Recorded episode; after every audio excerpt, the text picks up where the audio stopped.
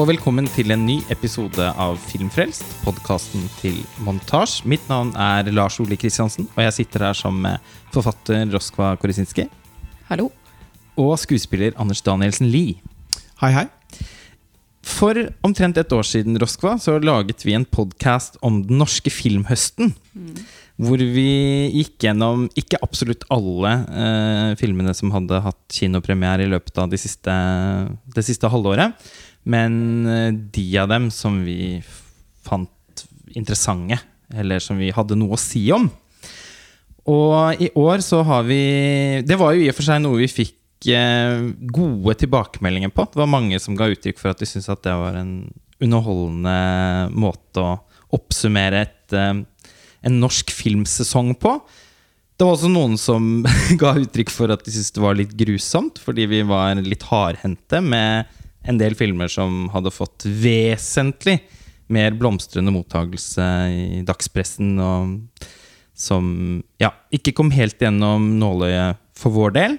Så jeg har, eh, jeg har i og for seg da opplevd litt eh, blandet mottagelse på det vi spilte inn, men på en måte som jeg tenker at tross alt hadde en slags At, at det hadde en verdi, da.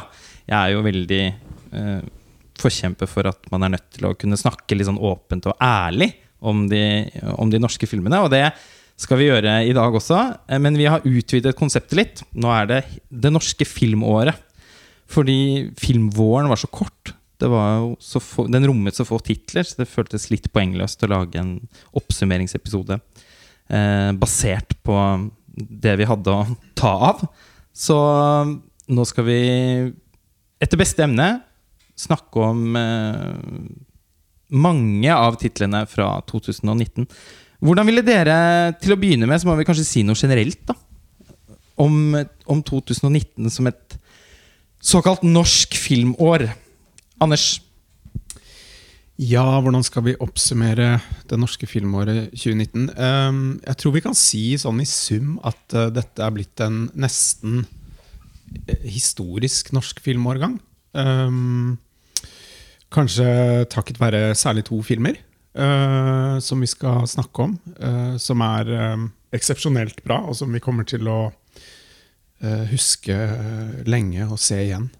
men så er det også mange andre filmer som, som har, har, kvaliteter, selv om de kanskje ikke er helt helstøpt og vellykket gjennom, gjennom det hele. Så er det absolutt ting som er verdt å verdt å, å ta fram. Uh, om det er noen generelle tendenser uh, med det norske filmåret 2019, er jeg litt mer usikker på. Det er, uh, er en variert uh, miks. ja, men jeg ville kanskje sagt at man ser en noe større vilje til å lage film om litt alvorlige ting som angår oss. Ja, samtidig så tenker jeg, prøver jeg å huske den samtalen vi hadde i fjor. Og da var det jo veldig mange filmer som handlet om rus og barn som vokser opp i rus. Altså det var en, egentlig en ganske sånn alvorlig filmhøst i fjor også. Jeg tenker at det motsatte nesten er tilfellet i år. At det er en mye større liksom, spredning i tematikk og i formspråk, og at folk driver med litt mer ulike ting. Da. At det er litt spennende å se. Det er jeg selvfølgelig ikke uenig i. Men jeg tenker at det på en måte mørket vi fant i de norske filmene i fjor høst, for altså, være seg Blindsone eller Føniks eller Harajuku Det var også et på en måte litt sånn melodramatisk eh, mørke. Mens eh, når jeg tenker på alvorlig nå, så mener jeg egentlig ikke forferdelig. Jeg mener ting som vanlige mennesker i sine hverdagsliv kan identifisere seg med, men som som filmskaperne tar veldig på alvor i filmene sine. Som 'Barn' av Dag Johan Haugerud eller 'Håp' av Maria Sødal. Det er filmer som eh, jeg har følt er mye nær, tettere på livet enn egentlig noen, norsk film jeg så i, noen norske filmer jeg så i fjor. Ja, de er rett og slett bedre. Det er kanskje der det ligger også. Mm. eh, men også med annen, en annen type ambisjon. Jeg, har jo ofte sittet og sagt i sånne sammenhenger som det er, at jeg savner at norske filmer uh, altså på en måte griper litt mer inn i hverdagen på en eller annen måte. Jeg syns det er så mange underlige historier som absolutt skal fortelles, uten at jeg helt forstår hvorfor. Altså, Jeg kan ikke identifisere meg med det, jeg syns ikke det er spesielt spennende, jeg blir ikke grepet av det. Eh, og ofte har jeg tenkt at kan man ikke bare liksom velge noe litt mer avgrenset? Eh, og prøve å på en mest mulig uh, autentisk, men samtidig også kunstnerisk bearbeidet måte si noe om det. Eh, og det syns jeg det er mange filmer i 2019 som har vært gode på, og som ellers er vidt forskjellig. Uh, vi skal jo sneie innom mange av de i løpet av samtalen, da, men en, som filmer som Disko og til og med Psycho Bitch da, syns jeg også er filmer som er ganske gode på å velge å fortelle om én spesifikk ting. Eh, velge Altså introdusere oss for et miljø, eh, en bestemt problemstilling. Eh, og så har man en film som på en måte Hjelperytteren, da, som er litt sånn all over the place. Eh, på godt og vondt. Skulle vi rett og slett begynt der? Med Hjelperytteren? Ja, hvorfor ikke? Den var jo litt sånn starten på den norske filmhøsten. Jeg tror mange hadde forestilt seg at det skulle være en slags pangstart. Men så ble det ikke helt sånn. Eh, den fikk, eh, fikk nok ikke så gode anmeldelser som, eh, som filmskaperne i hvert fall hadde håpet på. Og publikum ble hjemme. Filmen handler om en, en syklist som, som da har gjort enorm suksess, men som har blitt tatt i bloddoping. Og som skal forsøke på en eller annen måte å renvaske seg fra, eh, fra den ubehagelige mediesituasjonen, egentlig, som hun har havnet i. Hun heter da Kim og er spilt av Silje Salomonsen. Ja, jeg, eh, det, det som slår meg aller mest med, med den filmen, er at den er eh, Man kan jo merke at den sannsynligvis ikke er lagd for veldig mange penger. Eh, nå vet jeg ikke hva budsjettet var, men, men den ser ikke veldig dyr ut. Og så på den annen side så har den en sånn litt sånn upretensiøs um, um, stemning både i form og innhold. Den er ganske skitten. Altså den, den blander uh, lange Dagsrevyen-innslag med litt sånn stilisert komedie. Um, og og er, er litt sånn uren, da. Ehm, og det, er, det kunne man kanskje si at det er filmens uh, svakhet, men det gjør også at den, ha, den er ikke uten underholdningsverdi. Og så kan man si Den prøver jo på en eller annen måte å tematisere noe rundt det å leve sannferdig. Altså det, det føler jeg er liksom uh, filmens bærende tematikk. Altså hun uh, bekjenner at hun dopet seg da hun var aktiv syklist, og det er jo mange år tilbake. Og grunnen til at hun gjør det, er at hun, det er et slags eh, oppgjør med seg selv. Hun ønsker nå å, å leve sannferdig og være ærlig. Og så prøver filmen å, å tematisere det. Hva er liksom kostnadene ved å, å leve ærlig? Og, og sånn. Og jeg syns kanskje den tematikken er litt uelegant. Eh, den er ikke helt integrert, syns jeg, da, i, i filmen. Føles, eh, tematikken føles litt uh, tredd utapå filmen. Uh, og det det at filmen ikke helt klarer å velge om den skal være en, en, en naturalistisk fortelling. Silje Salmonsen spiller jo veldig naturalistisk, mens f.eks. Espen Klaman Høyner og Nader Kademi spiller, går veldig for komedie. Og vi er veldig, altså Selv om Silje Salmonsen er kjempegod, så, Hun er- så, så gleder synes jeg Hun er en av de beste filmskuespillerne i Norge. Helt enig, Mm. det skal hun ha, men, men vi gleder oss samtidig litt til det kommer en ny scene med Espen f.eks. Eksempel. Um, så, så, så filmen er, er liksom all over the place, da, som du sier. Og det, det som er rart med den, er at det er det som gjør at den er litt underholdende å se på. Ja, helt- du, du tenker her kan jo alt skje, og alt skjer. Ja. For det skjer mye rart. Det gjør det. Uten at vi skal spoile det. Ja, og det er noe med, som du sier, at den, eh, tematikken inviterer oss til en litt sånn en kontemplasjon som ikke filmen rommer. Eh, og, og formen, den er nesten sånn kaleidoskopisk. Altså eh, et, eh, et slags forsøk kanskje på å ta inn over seg medieestetikken. Eh, som, det, som jo på en måte er dette her gråmaskede nettet som hun fanges av. Også, sånn, så det er noen ekko her òg, mellom form og det, det man kaller for form og innhold. Eh, og det litt sånn over, overflødighetshornaktige, at filmen vil så innmari mye på en gang, det gir den, som du er inne på, Anders, en underholdningsverdi. Jeg er helt overbevist om at mange norske kinopublikummere ville hatt større glede av å gått og se den filmen enn ganske mange andre. Ja, og så tenker jeg, nå er jo den som du snakker om, denne her eh, tematikken som går på hvordan å leve sannferdig, den er jo Den ropes jo ut med høy stemme og males opp på store plakater. Og samtidig så, så syns jeg også at det var liksom ganske betimelig eh, og egentlig litt fint gjort også, hvordan de håndterer den tematikken. Fordi kjernen i filmen er jo egentlig ikke at eh, denne Kim Carlsen angrer på at hun har dopet seg. Eh, snarere så vil hun bare få sagt det, sånn at hun kan gå videre med livet sitt. Men, men hun sier jo selv at hun, hun, angrer ikke, fordi dette er noe alle i miljøet har gjort. Men fordi hun er den eneste som forteller om hvordan det faktisk er, så blir jo hun eh, satt i gapestokkene. Eh, og det har overføringsverdi til ganske mange andre samtidige debatter og debattmåter, tenker jeg. At man liksom plukker ut enkeltpersoner, uh, og så sier man 'Å, gud, så fryktelig', og hvordan skal vi uh, få tatt et oppgjør med denne og denne problematikken? Og så istedenfor å faktisk se på seg selv og se på hverandre og være litt ærlige på 'Ok, men hva er det, hva er det egentlig som foregår?' Da så blir det en sånn skinnoppvask, på en måte, hvor man tilsynelatende forholder seg til et problem som man egentlig bare feier under teppet og ikke vedkjenner seg at man er en del av. da. For det minner jo nettopp om sånne Det er jo en, i og for seg da en veldig aktuell tematikk. da eh, Media som bestemmer seg for å legge noen på hoggestabben, eh, og for å nærmest da presse ut en slags eh, bekjennelse. Mm. Eh, og, og, og, ofte så er det nok nettopp sånn at de personene opplever det som dypt urettferdig, for de vet at dette er mye vanligere enn dere mm. tror.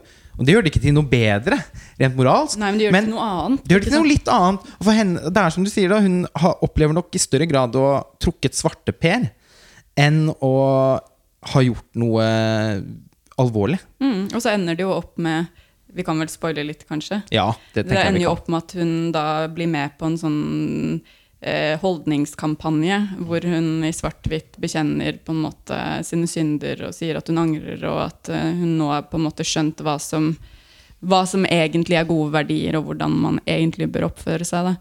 Um, og sånn sett så handler jo Og så forsvinner hun i en ufo. Så egentlig så handler jo filmen om liksom ja, men Skal vi ikke si det?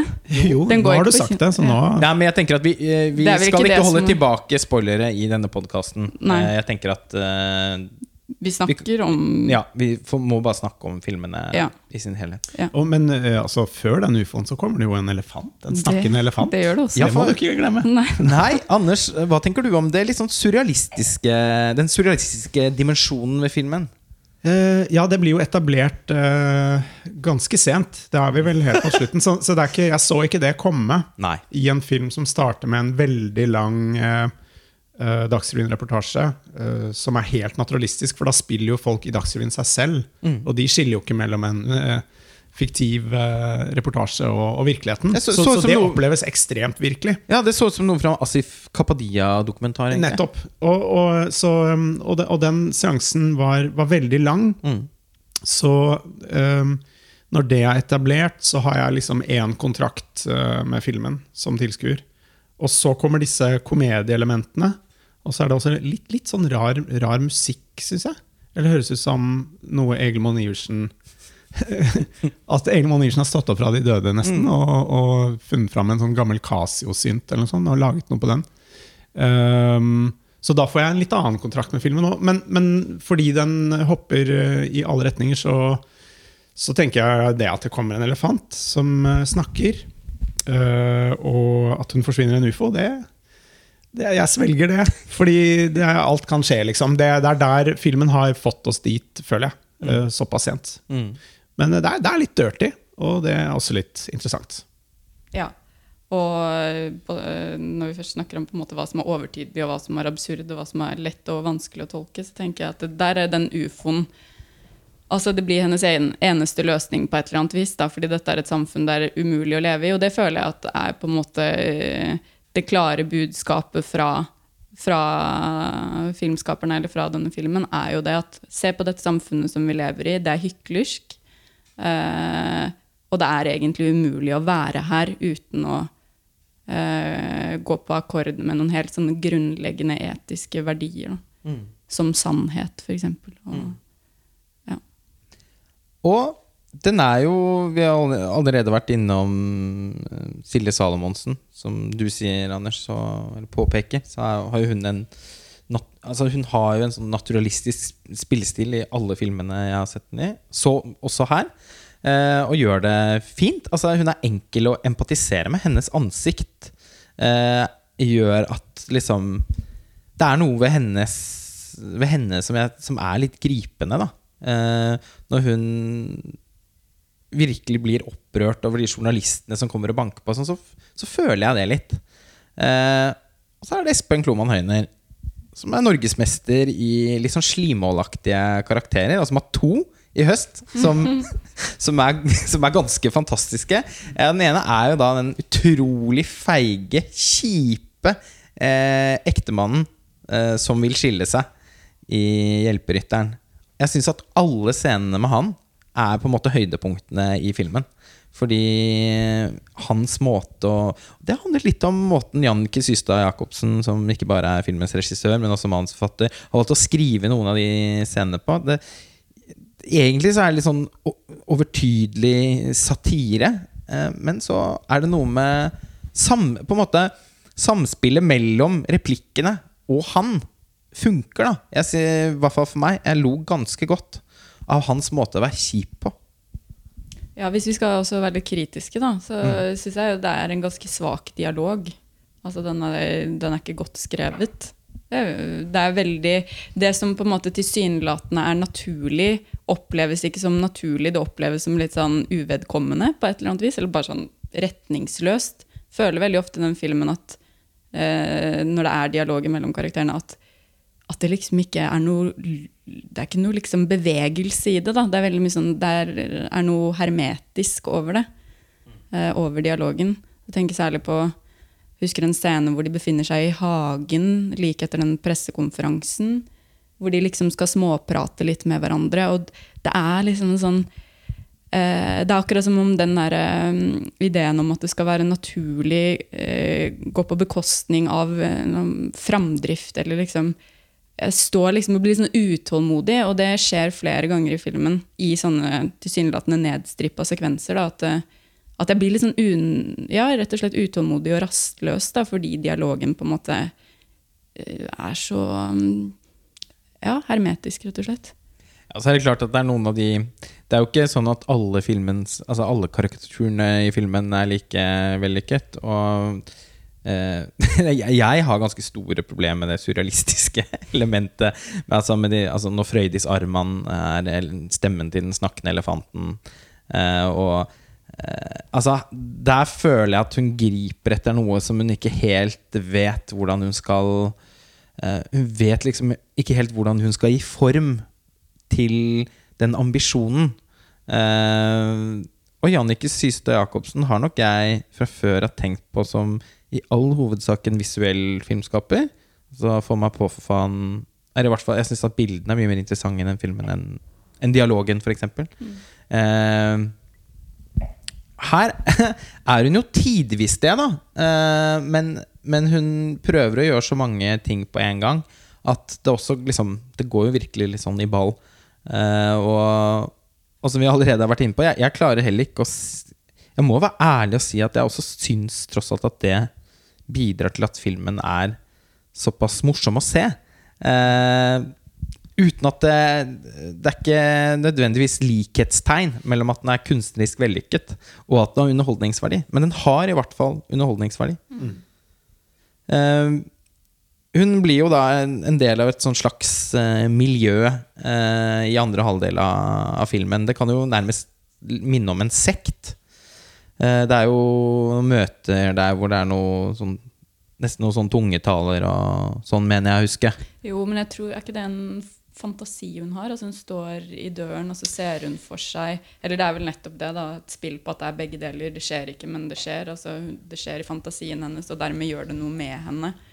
Eh, Men, men å si at hun blir en del av et miljø, syns jeg Det var kanskje Altså, jeg, jeg husker det som en drøm, jeg. Ja, det er jo Hvor det. skrifter og så Ja, ja, ja. det- er jo det. det, er jo det. Men på, i hele den andre halvdelen av filmen så går den jo litt sånn inn og ut av drøm. Det begynner å bli såpass eh, Nettopp. Overtydelige paralleller der. Eh, dette var egentlig da et slags eh, et, et litt platt forsøk på å bygge en bro over til disko. Jeg skjønner. Jeg trodde, nå tenkte jeg, Har de rabla for deg? Har du, blander du de to filmene? begynte jeg å tenke nå. Men ok, greit. Eh, det finnes et motiv, i hvert fall i Hjelperytteren, som, Ja, som kan hjelpe oss over eh, i Jorunn Myklebust Sivertsens andre spillefilm, Disko. Den forrige var 'Hoggern'.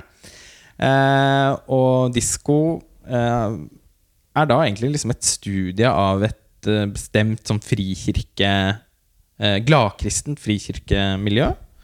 Hvor vi blir kjent med Miriam, som danser freestyle disco-jazz.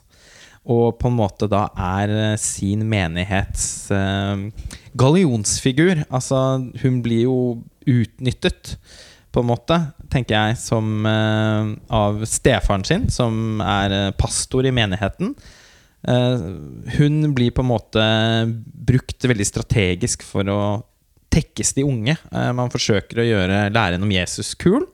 Eh, og da er henne, med hennes utstråling og hennes freestyle disco-jazz og sangevner, eh, noe som hyppig er en del av vekkelsesmøtene. Hvor man kan hvor man kan betale seg ut til slutt. Eh, enten med kort eller vips. Eh, den handler jo på veldig mange måter om tenker jeg, hvordan de eh, Hvordan de sektene fungerer, og hvordan de griper inn i i, i folks sjel. Det er jo også veldig mye en film om tro, og, og om det å på en måte forsøke å finne en eller annen slags retning. Mm. Hva tenker du hva, hva liksom Hvis du skulle oppsummert filmen for deg, Roskva, hva Ja, eh, da må jeg først være litt personlig, bare fordi det er litt morsomt å fortelle. Ja. Um, jeg har jo vært på enormt mange sånne freestyle disco-jazz-konkurranser i mitt Det, det vet jeg. Uh, ikke fordi jeg har danset det selv, åpenbart, men fordi jeg hadde noen veldig gode venninner på ungdomsskolen som var veldig gode eh, i denne idrettsgrenen, får man nesten si. Så nesten hver helg, så eh, i ja, i hvert fall et par år, så befant jeg meg eh, i sånn idrettshaller rundt omkring. Ofte på Skedsmo, av alle steder. Eh, og da bevitnet dette sirkuset. Det er jo en helt sinnssyk eh, idrettsgren for dem som ikke har eh, vært borti det før. Helt syk. Ja. Det, jeg har også rik erfaring med freestyle disco for det var veldig stort i Østfold. Østfold. Ja. Det er hvor både du og jeg kom fra. Eh, det var veldig mange som holdt på med det da jeg både Ja, fra liksom slutten av barneskolen, gjennom hele ungdomsskolen, også langt opp på videregående. Og da kler man jo opp alt fra liksom, altså jenter helt ned i fireårsalderen som kles opp øh, nærmest som sånn misse, eh, små missekonkurrenter i USA. Altså masse sminke og paljetter og eh, selvbruningskrem. Og, og så eh, dyttes de da ut på arenaen og skal danse. Altså jeg skal ikke prøve å beskrive hvordan den danseformen ser ut, men det er noe litt sånn spasmeaktig og enormt store smil og eh, altså, rygger som har så mye svai at de skal til å knekke. Ja, for det, minner, altså, det er mye sånn splitthopp og Ja, det er gå i bro. turn, Altså, ja. For meg har det aldri vært dans. Eh, Jeg var veldig, har alltid vært veldig glad i dans. Jeg gikk også på danseskole da jeg var barn. Og var alltid veldig antagonistisk overfor freestyle disco. For jeg opplevde ikke at det var dans. Mm. Eh, Det var eh, en slags sånn å stå på turn, egentlig, på freestyle-turn. Ja. Har det ikke mye til felles med det? Jo. Det er det. Det er jo på en måte grenseland mellom ja, sport og dans på et eller annet vis. Men eh, selvfølgelig, det er ikke tilfeldig at det er denne dansegrenen som har blitt eh, valgt ut. Oh, jeg husker også fra disse konkurransene at det var veldig mange mødre der som var eh, utrolig opptatt av eh, døtrene og deres liv og deres Altså, de satt der som sånn nærmest sånne gale managere som liksom bare sminket opp døtrene og jenter som, små jenter som satt og gråt og 'Kom igjen, ut med det! Ut på gulvet!' Klarer det! Ja. Eh, og det er jo på en måte i denne filmen også en helt åpenbar parallell til eh, Miriams liv, sånn som det utarter seg i menigheten også. Altså, disse to arenaene speiler jo på et eller annet vis hverandre. Altså, hun skal ut på scenen, og hun skal skinne, og hun skal representere eh, noe større enn seg selv. Altså selvfølgelig familien sin, men også da Gud og Jesus, og også det å være utvalgt. Uh, hun skal på en måte fronte Det er liksom besjelet med alt det. ja. Uh, alt dette skal hun på et eller annet vis billedgjøre, da. Eh, Uh, men hvorvidt filmen handler om tro, er jeg mer usikker på. Jeg tenker at man kunne liksom byttet ut den arenaen med egentlig ganske mange andre arenaer hvor eh, hvor liksom Hvor enkeltindividets eh, tanker på en måte ikke ja, blir sett på som en trussel framfor en fordel. Da. Altså, det er klart at I Norge så har vi ikke så mange sånne arenaer, så det blir veldig naturlig å velge religionen, fordi vi er så opptatt av dette her med liksom at vi er individer, og at vi ikke skal gå i flokk og ikke marsjere i takt. og alle disse tingene her. Men egentlig så føler jeg at filmen først og fremst handler om det. altså Den handler om en form for gruppementalitet, og hva den gjør med din egen selvforståelse. Da. Og selvfølgelig så blir den gruppementaliteten enda mer skummel hvis det handler om eh, ja, tro, eller eh, det handler om på en måte lydighet, da, som det åpenbart gjør når det er en gud inne i bildet. Ja, og så er det jo ganske vanlig i de miljøene nettopp at et ungt menneske får det korset hengt rundt halsen. da. Eh, Det å nettopp skulle være liksom en, en, en, forbilledlig frontfigur eh, som skal være til inspirasjon, eh, både ambisjonsmessig eh, og, eh, og moralsk for alle de som sine jevnaldrende og yngre. Det er jo et fenomen som er typisk. Jeg husker veldig godt Roskva, at på den videregående skolen som vi gikk på, på musikkdansdrama der, så var det jo en sånn kristengruppe eh, blant eh, elevene. Jeg vet ikke om du husker det? Eh, jo, de, ja. Mm. Eh, og, og, og der var det et par av de som var sånne dansere. Eh, og som var frontfigurer for sine menigheter. Det har jeg sett på Facebook i årevis etterpå. Det er bare fortsatt. Så det er jo et fenomen som, eh, som Syversen har eh, bestemt seg for å se nærmere på. Det tenker jeg det er utgangspunktet for filmen. Ja, jeg, jeg er litt sånn delt på denne filmen. Jeg syns den har noen helt uh, åpenbare kvaliteter uh, som jeg kan trekke fram først. Jeg syns den veldig, ser veldig bra ut. Jeg, den, jeg var usikker på om den var eh, skutt på film, uh, men det skjønner jeg at den ikke er. Den, ser, den har flotte farger og fin bruk av lys. og og det passer særlig godt for filmens annen del. Da. Hvor man er med mye ute, og, og særlig når man kommer til denne, denne veldig konservative, strenge sekten som hun uh, til slutt ender opp i. For hun uh, ender jo opp med å flykte fra sin egen eh, menighet og gå til en annen. Um, det som, og, og så syns jeg den, den har jo en måte å løse scener på som er ganske uvant for norsk film. Altså Den har eh, ganske mye bruk av eh, det jeg tolker som halvimprovisert eller helimprovisert dialog i, ganske, i store totalbilder, ofte.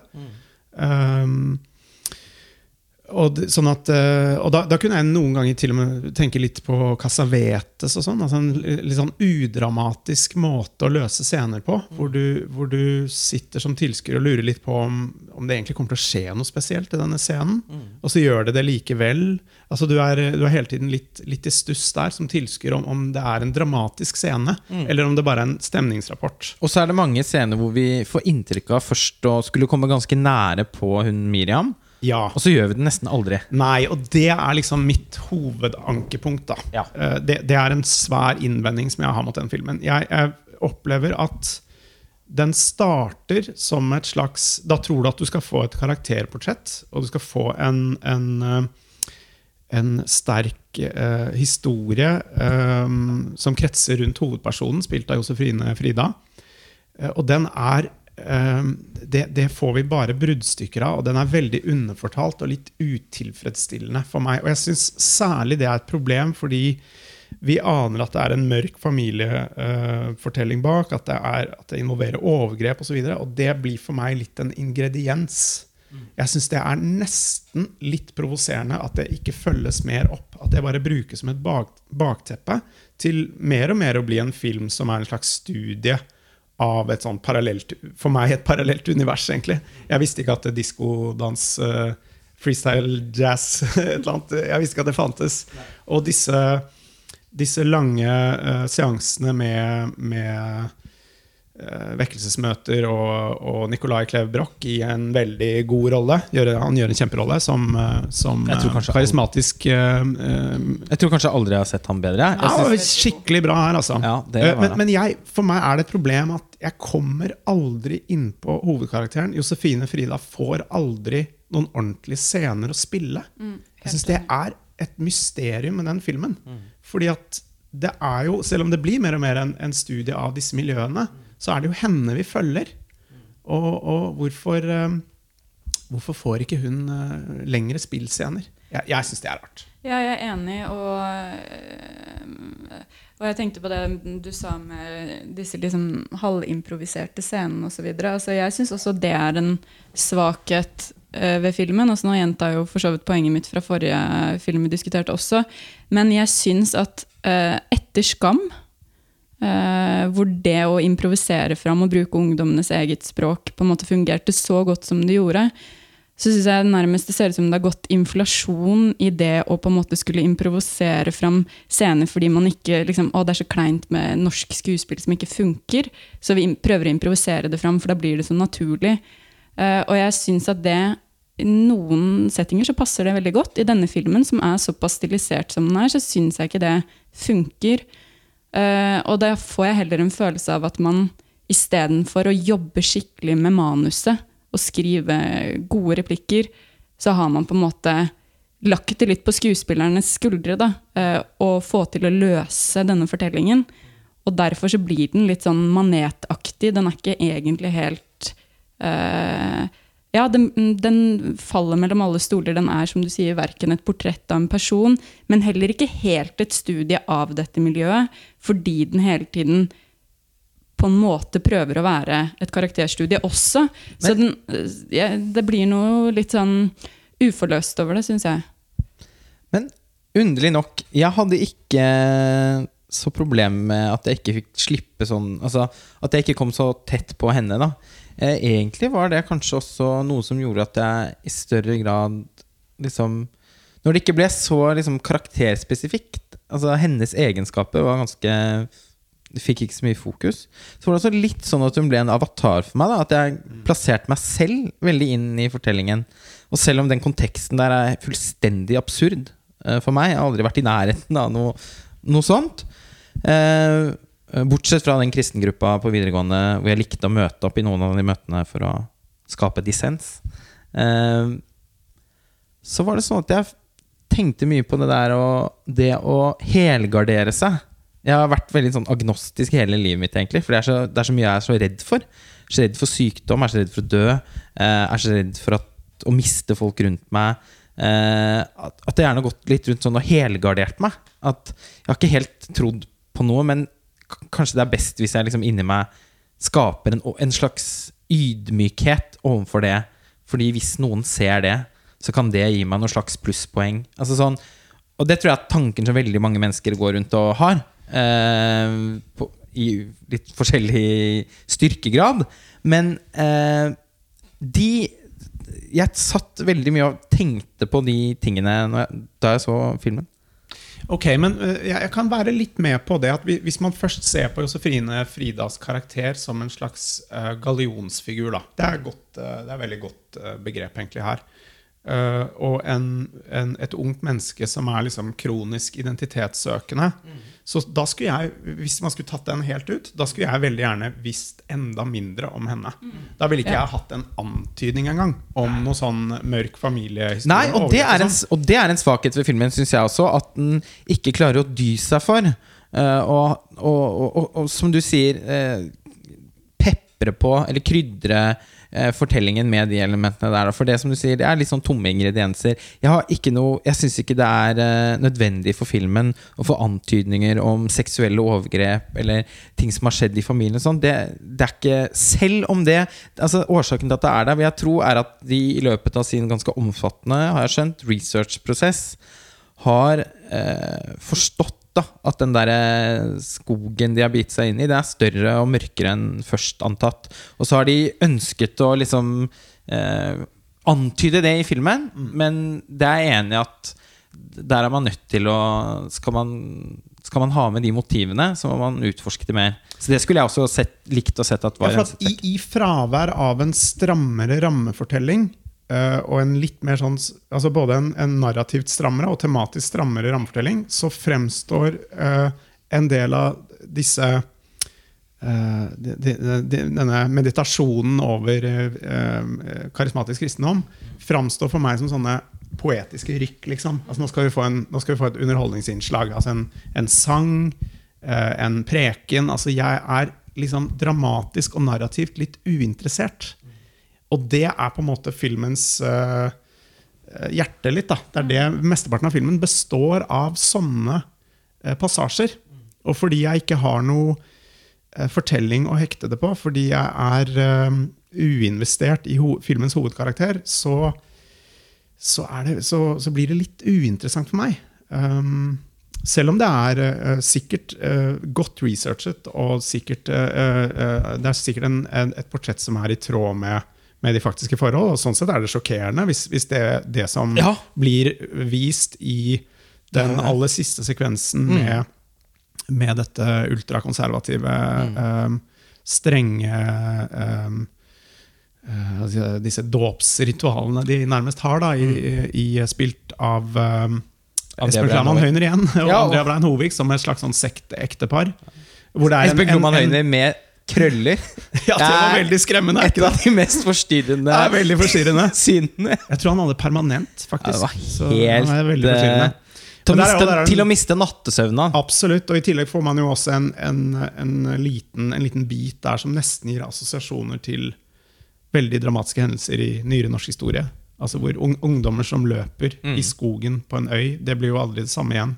Nei. Så, så det er veldig dypt uhyggelig. Og uhyggelig iscenesatt i filmen. Ja. Eh, der synes jeg, som du var inne på i stad, denne fotografen som vi er nødt til å nevne med, navn, Marius Matsov Gulbrandsen, egentlig kanskje I og med at Jakob Ire er svensk, eh, så tenker jeg gjerne på han som kanskje det største fototalentet vi har i, i Norge. Han har tidligere skutt eh, Dryads og Skyggenes dal. Eh, og han Altså må, At man har valgt å skyte de siste ti minuttene av filmen som en slags skrekkfilm, veldig heldig. Eh, og litt sånn eh, Jeg klarte jo heller ikke å unngå å tenke på 'Nattverdsgjestene' til Bergman, bare fordi det er pensumfilmen. For, for når det er snakk om tro og tvil, så må man alltid trekke fram den. Den ble også hyppig løftet fram i forbindelse med alle samtaler rundt First Reformed i fjor.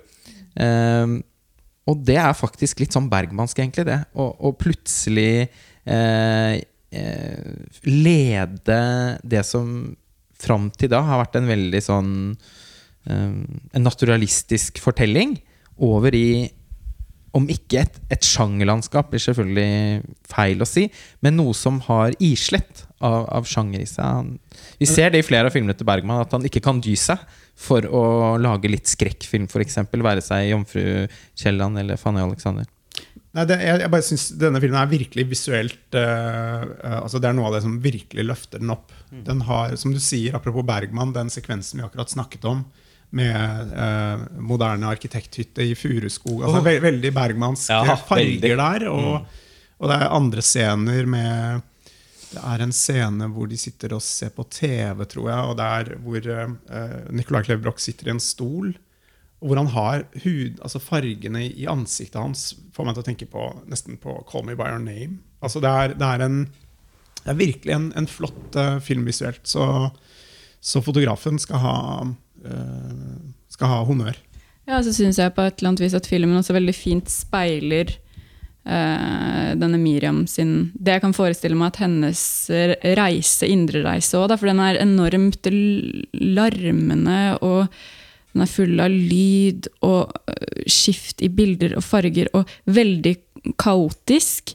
Og du får en sånn følelse av å, å være inni også et sinn som på en måte er bombardert av inntrykk. Da.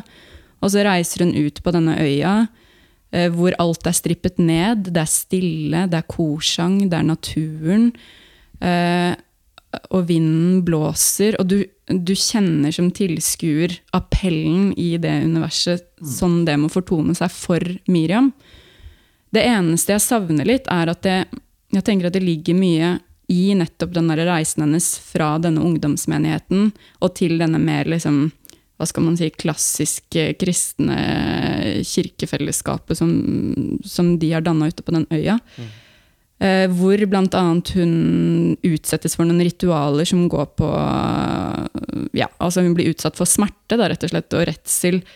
Eh, og det er jo en veldig sånn grunnleggende del av de aller fleste religioner, er jo den slags sånn martyrhandlingen, eller eh, selvpåførte smerten som gjør at du skal komme i kontakt med Gud, da. Som i seg selv er eh, som jeg synes er et veldig interessant aspekt da, med, med mange religioner. Hva er det for noe? Hva er det som, som gjør at det er, er så viktig i troen? Eh, og det syns jeg behandles litt sånn overfladisk i filmen. Vi får ikke Vi ser at hun blir rolig etterpå, og vi skjønner at hun, hun har opplevd noe som ikke ligner på det hun har opplevd før. Og at det har ført henne til et sted hvor hun kjenner at hun kanskje for første gang er, er i kontakt med Gud. Da.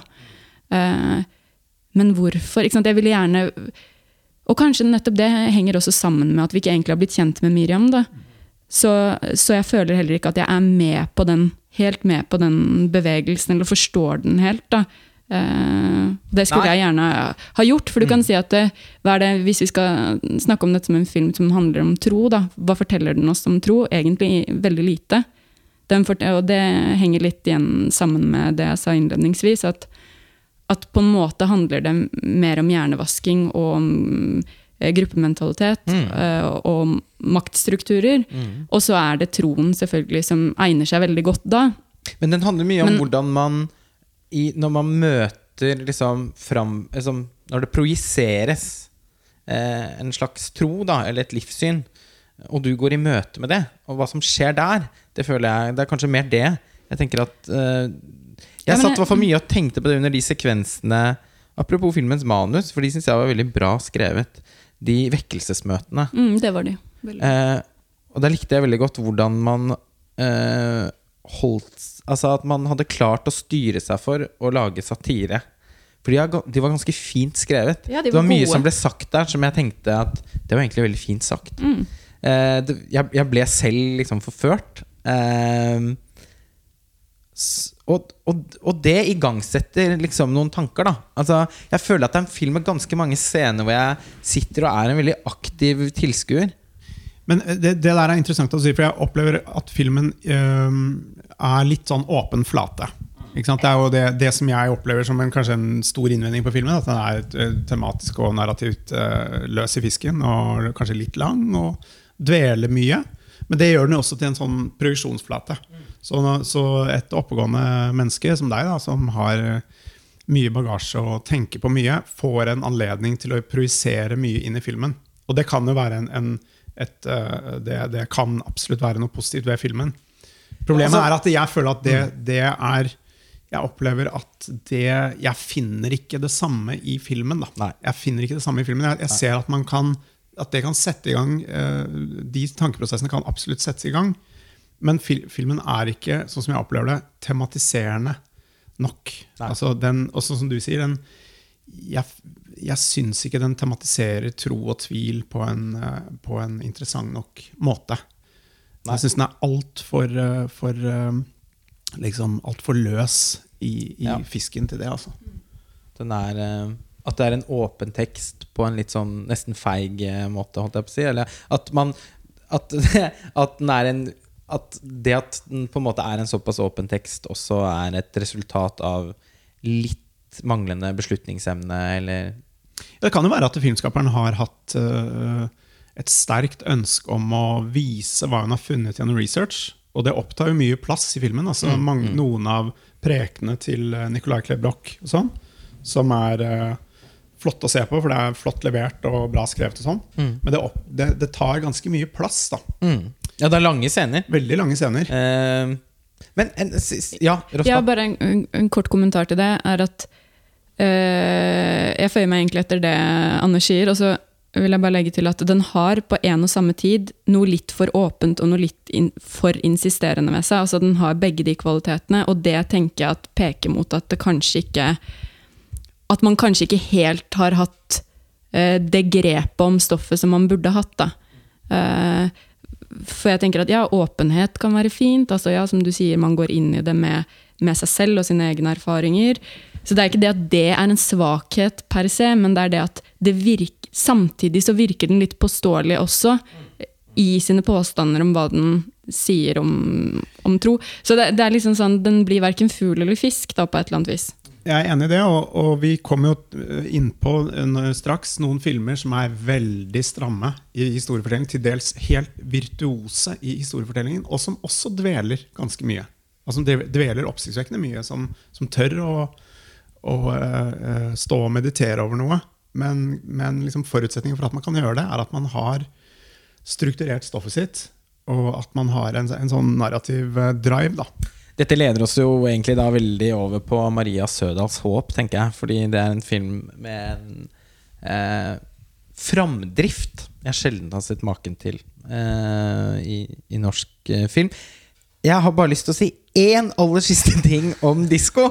For nå føler jeg jeg blir litt den filmens forsvarer. Jeg syntes også filmen var, selv om jeg kan virke veldig Jeg, jeg gir uttrykk for at jeg har hatt en veldig sånn tankefull eh, tankefullt møte eh, med filmen.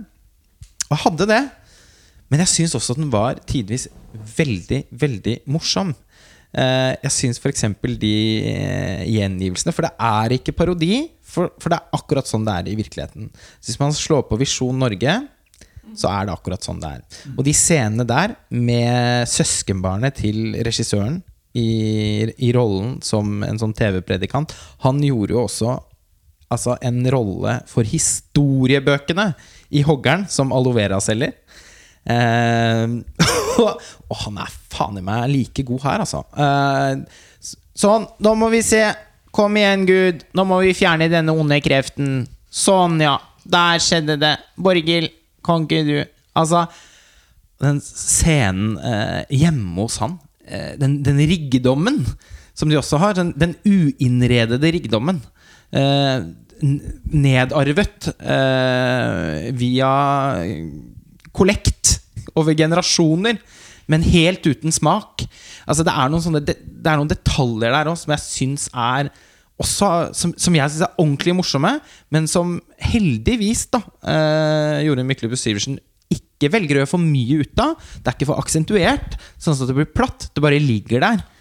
Jeg er enig, og hun driter ikke ut. Og Nei, noe, av det, noe av det du sier nå, er at Bra det er faktisk en film som, som helt sikkert bør ses eh, flere ganger før man gjør seg opp den endelige mening.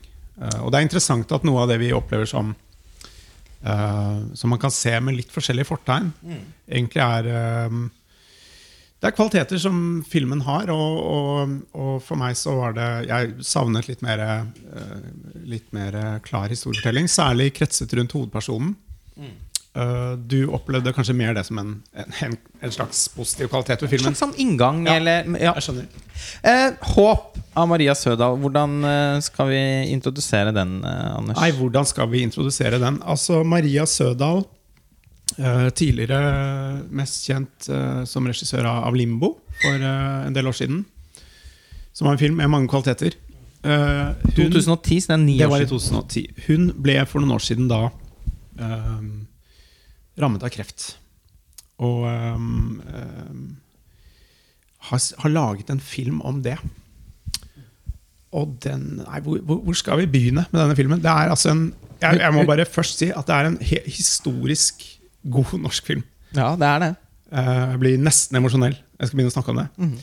Eh, Men det, det, det som er sterkt, er at når man er så nært et så viktig stoff, så føler jeg at det kan gå eh, enten helt galt, Mm. eller så går det så, så, så nærmer man seg noe sånn overskridende, hvor, hvor det å, å lage kunstverket nærmest blir noe sekundært. Eh, det blir en, eh, en renselse, en slags terapeutisk, eh, terapeutisk prosess. Da. Mm. Og det, er jo, det virker jo som det er det siste som har skjedd her. Fordi det er en film som bare i løpet av de første scenene eh, så skjønner du at eh, her er det en Dette er ladet. Dette er virkelig ladet materiale. Mm. Og uh, i særlig første halvdel av filmen så er, eh, er den filmen som en stram streng. Mm. Og den er emosjonell, dypt emosjonell, uten å være sentimental. Den går inn i veldig komplekse ting, der kanskje mange filmer kunne portrettert alvorlig sykdom Uh, og, og, og prøvd å se hvordan det er samlende for en familie, hvordan man kommer nære hverandre, så, så bruker hun alvorlig sykdom til å vise hvordan det kan splitte. Altså hvordan det virvler opp underliggende konflikter mellom, mellom de nærmeste i en familie. Uh, ja, jeg, er, jeg er helt rystet. Det er en, uh, som en annen film vi senere skal snakke om, en dypt humanistisk uh, film. Nysgjerrig, uhyre velspilt, og det skal vi, alt det skal vi snakke om. Ja, jeg signerer i blod eh, på alt det du har sagt. Jeg ble helt, helt filleristet av den filmen, som jeg aldri har blitt av en norsk film før. Det må Altså Og som sagt, uten at filmen er Altså, den er aldri i nærheten av å være sentimental, da.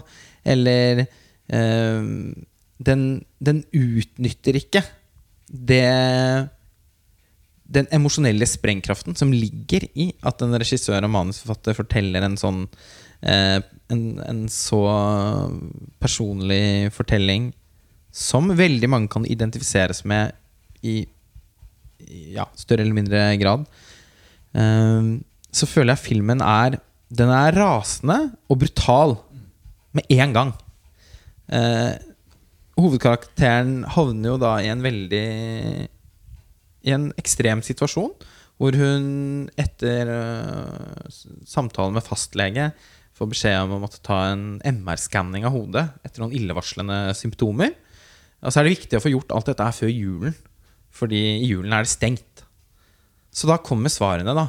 Uh, lille julaften. Og hun får beskjed om at uh, eh, den, at eh, det er en svulst i hjernen, som sannsynligvis er en såkalt metastase eh, fra en tidligere lungekreft som hun har hatt året i forveien, og som man har tenkt at eh, var borte, men tross alt ikke har vært helt eh, altså sånn, man, Det ble tatt en operasjon, og så har man ansett det for å være nok. Eh, og så var det ikke det. Eh, og hun får egentlig tydelig beskjed om at hvis det er en sånn spredning fra lungekreften, så er den uhelbredelig. Eh, men det er noen Det må gjøres noen videre undersøkelser. Alle spesialistene på sykehuset må, må se på det og diskutere først. Eh, så, så det er fortsatt noen, liksom, noen ting som skal avklares før julaften. Eh, og så skal skal hun da forsøke å håndtere den situasjonen og ha jul sammen med sin kjempestore familie. Det er seks barn. Tre er hennes egne. Tre er eh, stebarn fra, til, fra tidligere ekteskap til mannen hennes. Eh, og så havner hun da også i en sånn Hun blir jo Hun reagerer med en sånn På en måte også med Altså Hun blir jo forbanna òg. Ganske raskt. Og bare Fy faen! Nå får jeg beskjed om at jeg skal dø, og så Men så er det ikke helt sikkert. Og så skal vi lage jul hjemme. Og jeg føler at hvordan skal vi må fortelle det til barna, men ikke med en gang. For jeg har ikke lyst til at de skal hate julen resten av livet. Fordi året i forveien så var det nettopp også i julen at hun var inn og ut på sykehus med, med den lungekreften. Eh, og så bestemmer på en måte hun i samråd med mannen sin seg for å holde maska litt, men så får hun noen medisiner da, for å lette på hodesmertene, som gjør at hun blir høy og hyper og ikke får sove. Eh, og blir veldig vanskelig å forholde seg til sosialt, og det er hun selv klar over. Så, eh, det blir en sånn cocktail av eh, hva er det mulig for et menneske å håndtere? Og det vi får se i filmen, er egentlig at hun Hun håndterer det jo. Altså, det betyr ikke at det hele tiden går bra, men hun må jo bare gjennom det. Altså sånn, Med mindre hun har lyst til å hoppe ut av et vindu fra en blokkleilighet eh, med en gang, så, det, så har hun ikke noe annet valg. Hun må være der. Skal, middagen skal spises, det skal drikkes vin. Barna skal helst ha inntrykk av at, noe, at ting er i orden. De vet også fra før av at uh, hun og ektemannen er i en litt dårlig fase uh, av, av sin Ja, av ekteskapet sitt. Det er litt sånn skilsmisse som spøker bak... Som, som spøker her, noen måneder fram i tid, kanskje. og så blir det også da at det er nettopp som du sier, eh, Anders, at det er litt sånn klisjé, på en måte, det at sånne tilfeller av alvorlig sykdom veldig, binder veldig sammen. At liksom alle finner sammen. Alle, det, er, det, er, ikke helt sant, det. Det er, det er, det er litt sånn. Og er litt sånn, og rare er at filmen har jo det også. Ja, Den, den har, har liksom den dobbeltheten her. Den er, den er uhyre kompleks på alt det dette virvler opp. Og den får så godt fram alle de akutte dilemmaene. Skal vi si det før jul? Skal vi ikke si det? Uh, alle disse uh, uh, limboene, holdt jeg på å si, man blir stående i. Altså alt det uavklarte. Um, også det at tiden Plutselig så begynner man å Så blir det en lærer man seg å leve litt med òg, selv om det bare er gått en uke. altså Man må liksom stå i det. Altså, den, den får med alt dette her. da på en måte som er uh, veldig troverdig. Jeg, jeg, er jo noen ganger borti dette i embetsmedfør. Ja, du er jo lege. Så den um, Jeg tenker at dette er en film som Og den har jo veldig mange, mange scener med, med, leger som gir vanskelige budskap på, på, forskjellige måter. Som har spilt av ekte leger? Ja, de fleste tror jeg har spilt av ekte mm. leger. Du har jo um, Per Gørvel, uh, som også er med, som er en, en av de få lege- og skuespillerne utenom meg selv, da, som også er med der. Uh, og noen ganger så er det uh, Det er helt på grensen til sånn instruksjonsfilm om hvordan er det å få kreftbudskap. Altså, den har veldig mange sånne scener, men, men, fordi det er så troverdig, fordi det er så uh, nært på, på, virkeligheten, så vil jeg tenke at dette er en film som er ganske unik, fordi den, den er så allmennmenneskelig. Veldig mange vil ha stort utbytte av å se den. Å, og, og den, er, den, fungerer også som en dramatisk uh, Som en dramafilm. Helt uavhengig av om man har noen personlig befatning med Ja, og det, jeg, sånn, det skal vi komme tilbake Nå skal jeg gi ordet til deg, ja, Roskva. Men jeg skal bare si én ting til uh, først. Og det er at noe av det som egentlig også er Som, som er helt unikt ved filmen, er jo at til å være en film som handler om noe som angår så mange i løpet av livet, så er det laget veldig få filmer om det her. Eh, altså internasjonalt. Og veldig få gode filmer. Altså eh, Filmer om alvorlig sykdom Det er ikke noe som selger noe særlig. Så de lages stort sett ikke. Eh, så har man noen unntak, sånn som den TV-serien 'Angels in America', basert på det teaterstykket og sånn, som jo forferdelig å se da hvis man er så redd for sykdom, og sånn som, som i hvert fall jeg er. Men som man piner seg gjennom, fordi det også tross alt er, det er en forsoning der, og, og, og det er bra. Uh, men, men, jeg har ikke mange eksempler på det. Uh, man har en film som 'Tid for ømhet' fra 80-tallet, f.eks., men som også, selv om den er hjerteskjærende, også nokså kantete og, og vesentlig mindre Altså, den er jo ikke i nærheten av å være så tett på som, som, som håp er, bare i kraft av å være en, en, en Hollywood-fortelling. Eh, eller en Hollywood-produksjon. Eh, med Jack Nicholson og Shirley MacLaine og Deborah Winger. Altså, det blir noe et eller annet eh, jeg, jeg, jeg, har ikke sett noe sånn som det her før. Jeg. Må jeg, ja. Nei, jeg bare sitter og tenker Når dere snakker om på en måte det allmenngyldige og de tingene her, så tenker jeg at jeg tror noe av det jeg likte best ved filmen, er kanskje det motsatte. Altså nettopp at den veldig tydelig viser fram en kulturell middelklasse og dens måte å eh, forstå seg selv på, snakke på, være i verden på. Eh, og jeg tenker at de sykehusscenene også tematiserer ganske sånn subtilt samfunnet vårt. Altså hvordan, hvordan vi forholder oss til sårbarhet, til skrøpelighet, til sykdom. Eh, og det virkelig fæle med denne filmen, som dere begge har nevnt, dette med at familien på en måte nærmest går i oppløsning istedenfor å samles, det handler jo ikke bare om hva som skjer med en familie når de får høre om sykdom. Det handler om en ganske spesifikk familie som tilhører et ganske spesifikt miljø, og som har snakket sammen og levd livene sine på en ganske spesifikk måte. Mm. Hvor selvrealisering, jobb, karriere har på en måte dominert, og man ikke har klart å finne en balanse mellom det og faktisk kunne romme hverandre da, og seg selv eh, på en litt mer sånn typ, ja, jeg vet ikke, en grunnleggende måte. Og det krakelerer jo, sånn jeg ser filmen i hvert fall, eh, i veldig stor grad nettopp fordi man ikke har egentlig noe solid fundament hvor man respekterer hverandre eller liksom kjenner hverandre ordentlig. da. Mm. Uh, og det er ganske Ja, det syns jeg filmen liksom klarer å si uten at den karikerer, da. Uh, ja. Jeg er helt enig i det du sier, og, det er også en uh, um, det er også en litt, et, et sjeldent utgangspunkt. Akkurat som da Dag Johan Haugerud lagde 'Som du ser meg' og og portretterte den eh, tyske oversetteren Grete Megré. Liksom. det er kanskje den mest sånn utypiske norske filmfiguren i norsk filmhistorie noensinne.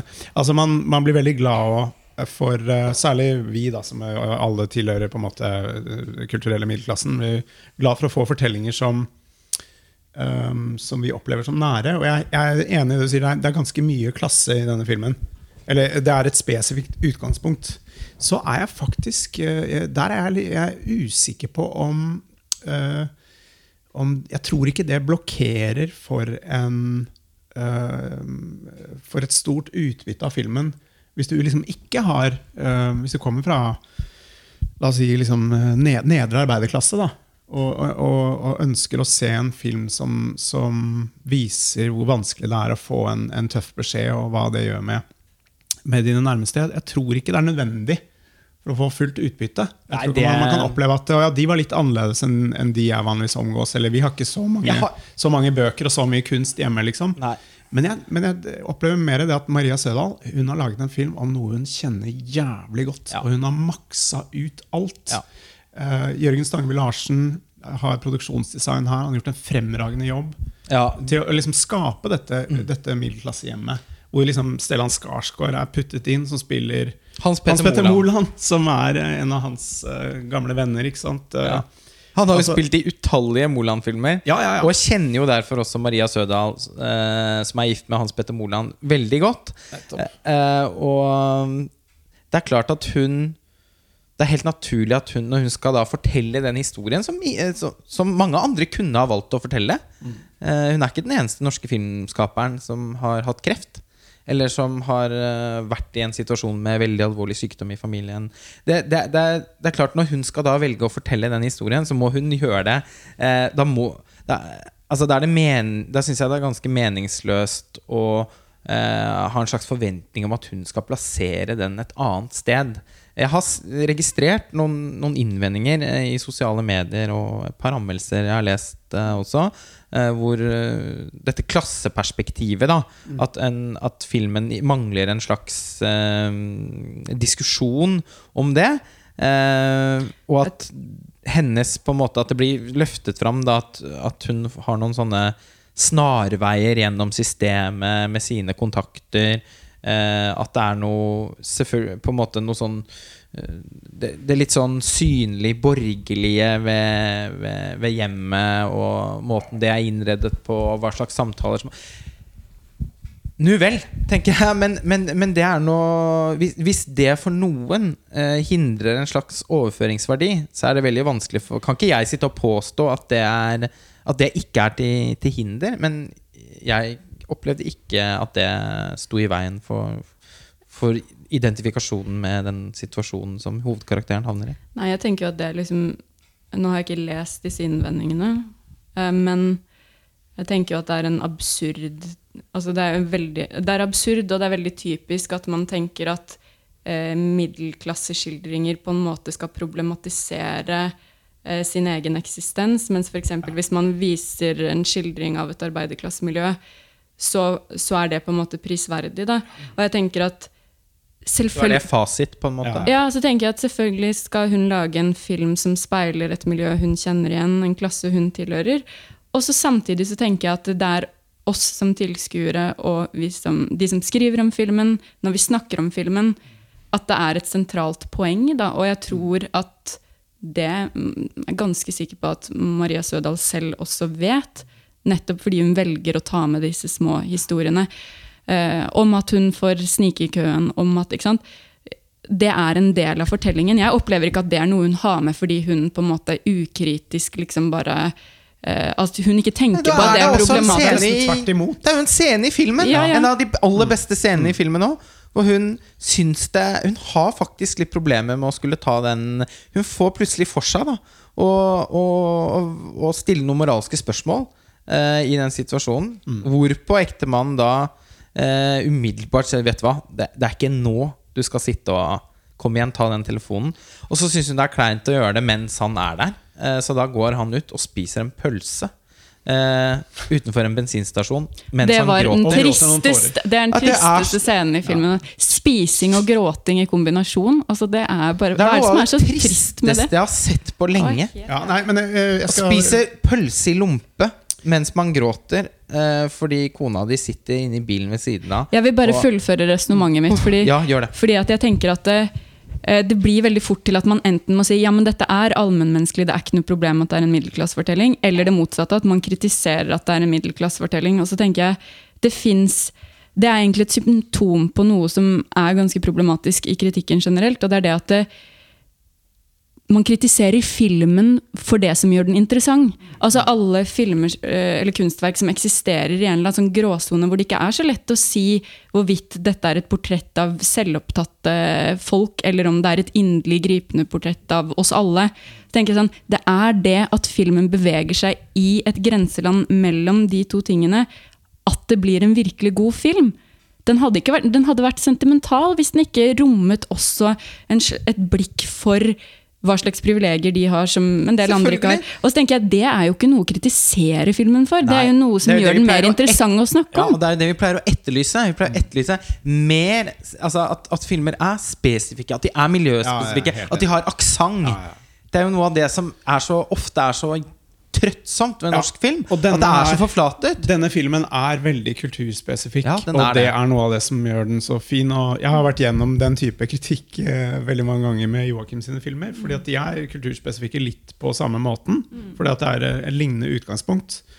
Og jeg husker når, For reprise og sånn kunne vi jo få kritikk for at den var eh, misogyn. eller at det liksom Men, men da er det jo, dette er jo deskriptivt, folkens. Altså Vi viser Ja fram hva slags holdninger unge, aspirerende eh, menn i, i 20-åra som skal eh, erobre verden, hva slags holdninger de kan legge for dagen om kvinner. Vi viser det fram. Vi sier jo ikke at det er sånn det skal være. Så det er en sånn klassisk uh, feilslutning der. Og, det, og jeg er heller ikke kjent med de innvendingene på denne filmen, men, men jeg opplever jo overhodet ikke at Maria Sødal eh, at hun tar noen stilling til dette. Det er nesten omvendt. altså Hun fremstiller det på en ganske uflatterende måte. Og, og Andrea Brein Hovigs rolleutvikling, altså karakterutvikling til hovedpersonen, som er basert på regissøren selv, er jo dypt uflatterende. Hun blir jo Og hun står jo på steroider og blir amper og aggressiv også pga. det. Men hun, men hun er jo kjip, liksom. Jævlig Ja. kjip med Stellan Skarsgårds ø, karakter. Og hun sniker i helsekøen, og det er masse uflatterende ting. Liksom. Og, og jeg opplever at Maria Sødal viser det fram. Dette er min historie slik jeg husker det. Ja, som, Sånn starter den filmen. Ja, det står jo Holdt på å si Det står skrevet uh, før eh, vi får sett uh, første bilde. Ja. Uh, og det er egentlig en veldig fin inngang til filmen. Det Det er en er, veldig fin inngang, og den er måten den da derfra forteller historien på. Så enkelt. Dager i julen. Eh, progresjonen i dette, i dette helvetet, i den katastrofen. Eh, det, dette er en, en type film som liksom minner deg på hva en film kan gjøre, kan, hvor vesentlig den kan være. eh, å se i et liv. At ikke alt bare er underholdning. Det kan være det også, men det går an å bruke spillefilm til noe noe viktigere. Altså Noe mer sånn rystende, da. Og gjerne er det sånn at man sitter og snakker om Hvis man snakker om hva film kan gjøre, som ikke litteratur kan gjøre, eller som ikke billedkunst eh, kan gjøre, eh, som heller ikke teater kan gjøre, eh, så, så, snakker man ofte om veldig sånn visuelt virtuost iscenesatte eh, filmer og, og, begrep som pure cinema og, og lange tagninger. Og, sånn. Det er også veldig jeg, jeg, tenkte mye på det etter å ha sett Håp. At den rommer ingen av de dimensjonene. Mm. Nei, det gjør den ikke. Men den er likevel bare en film. Altså sånn, den, den kunne aldri virket på samme måte i, i, Altså Den fortellingen kunne aldri blitt fortalt tenker jeg på en like kraftfull måte i noe annet kunstuttrykk. Fordi at vi må liksom være der oppe i ansiktene med dem, mellom dem, fanget mellom dem. Eh, og når da Andrea Brein Håvig eh, Jeg har lenge tenkt at hun kanskje er liksom, sannsynligvis er Norges beste skuespiller. Eh, jeg har vært imponert av henne i mange år nå. Det var så, et, Etter 'Som du ser meg', så tenkte jeg I all verdens land og rike. Hva det, Hun er jo nasjonalskatt! Eh, har vært begeistret for henne lenge før det òg. Sett henne altså, på teater og Men Og så har hun jo hatt et helt utrolig år, da. Hun spiller jo også en, eh, en vesentlig birolle i 'Barn' av Dag Jan Haugerud, som vi eh, snart skal snakke om. Og hun gjør en kjempegod birolle i 'Disko'. Det ble ikke rom til å snakke om den i stad. Det er hun som på en måte er lederen for den spesielt skremmende sekten der til slutt. Eh, hvor de døper eh, barna med sand og sånn. Eh, og setter plastposer over hodene deres. Og, jeg opplever at vi altså, Og Andrea Brein Håvig har ofte vært veld, spesifikt god på, syns jeg, å spille Eller gestalte rollefigurer som forsøker å skjule Som har noe de må skjule. Og som derfor blir litt kjipe. Altså, det er jeg kan nesten ikke huske en rollefigur hun har spilt hvor jeg har vært udelt uh, Hvor jeg har hatt, vært liksom kjent, ja, kjent en udelt sympati. da er, Det er noe sånn skarpt ved henne, eh, og litt uinntakelig. Hun er litt et sånt fest, et festningsmenneske også. Eh, altså, rollen i 'Som du ser meg' er selvfølgelig et kjempebra eksempel på det. da En uinntakelig festning av en eh, forlagsredaktør. Og hun får, samtidig som ansiktet hennes er så åpent. Så hun klarer å hun, hun, Når hun blir ydmyket, så evner også Andrea Brein Håvik å formidle det på en så tindrende måte at eh, det smitter over med en gang. Og det er litt sånn underlig Og egentlig så Det det minner mest om, selvfølgelig, er jo bare et menneske, da. Fordi de fleste av oss er ikke enten sånn eller sånn eller sånn. Vi er litt av alt sammen på en gang. Og hun er veldig god på å være det. Eh, i, i, og har ofte gjort, tenker jeg, rollene hun har fått tildelt, bedre enn de i utgangspunktet er, sånn som de så skrevet i manus. Og så er jo da håp en, eh, en Et vulkanutbrudd uh, av en rolleprestasjon. Da. Jeg føler at liksom alt har nesten liksom bygget opp til det her. Fordi den rollefiguren rommer mange av de egenskapene. Nettopp. Vi har sett at hun har eh, altså, mestret så bra, eller vært så god på å uttrykke tidligere. da den krever jo akkurat det du, det du nevner nå. Den, den uh, krever en emosjonell tilgang som Andrea har i veldig stor grad, men, uh, men samtidig den, den, uh, den, utstrålingen av å holde fasade eller å, å ha et slags panser overfor omverdenen. Altså, hun skal jo gå gjennom hele denne filmen med gråten i halsen med et sånt vell av følelser. Hun skal jo egentlig være helt, følelsesmessig helt inkontinent. Mm. Men det er ikke så interessant å se på det hvis det kommer fram i hver scene. Liksom, her er hun så utrolig økonomisk. Hun disponerer så godt med virkemidlene. Uh, og, og, um, og registeret er så stort. Uh, noen av scenene er jo sånn som i 'Blå er den varmeste fargen', at det står og faller på kvaliteten på leveranse fra skuespiller. Altså Hvis det er dårlig levering, da blir det dårlig scene. Ikke sant? Men, men, og det er lett å glemme Stellan Skarsgård oppi dette òg, for det er en vanskelig rolle. Han skal stå og ta imot dette. Um, så det er, det er veldig mye samspill dem imellom, men, men Andrea er, gjør her eh, et eh, Oscar-kaliber-arbeid, da. Som er eh, veldig sjeldent å se. Ja, og det er, det er- veldig gøy å se. Så sant som det er sagt. Oscar-worthy, som man pleier å skrive på Twitter. Eh, hun Og det, og det er veld, veldig uvanlig rolleprestasjon å se på norsk film. Altså Derfor vi må på en måte egentlig ty eller sånn plassere den i den kategorien. For få, nå må dere skjønne her hvor, eh, hvor liksom Det er en sånn marerittaktig komplisert rolle å ta på seg. Hun svinger så mye i, eh, i sinnsstemning. Og noen ganger er hun to skal, må hun være to ting på en gang. Hun er både oppglødd, har noen blaff av et håp, og samtidig er rasende. Og sånn som den scenen eh, Det blir jo da besluttet at eh, At hun og mannen Altså det som inntil videre har vært hennes samboer, da, skal gifte seg på nyttårsaften. Og hun syns på en eller annen måte at det er utrolig patetisk, sentimentalt. Eh, og tenker at det er en slags, sånn, slags begravelse, det òg. Bare at hun skal få være med selv. Men det blir med det. Eh, og like før de skal i kirken, så skal de til frisøren. Så er det en scene da hvor, hvor Stellan Skarsgård sin rollefigur bare ikke gjør noe galt, egentlig. Han bare forsøker på en måte som dessverre ikke er overbevisende nok. Og, og, og, og, skape en litt sånn forelsket En litt sånn nyforelsket stemning. Og, og, det faller på flatmark, da. Så, og Andrea Brein Håviks reaksjon da, som både er Hun må på en måte nesten le litt fordi hun syns det er så teit.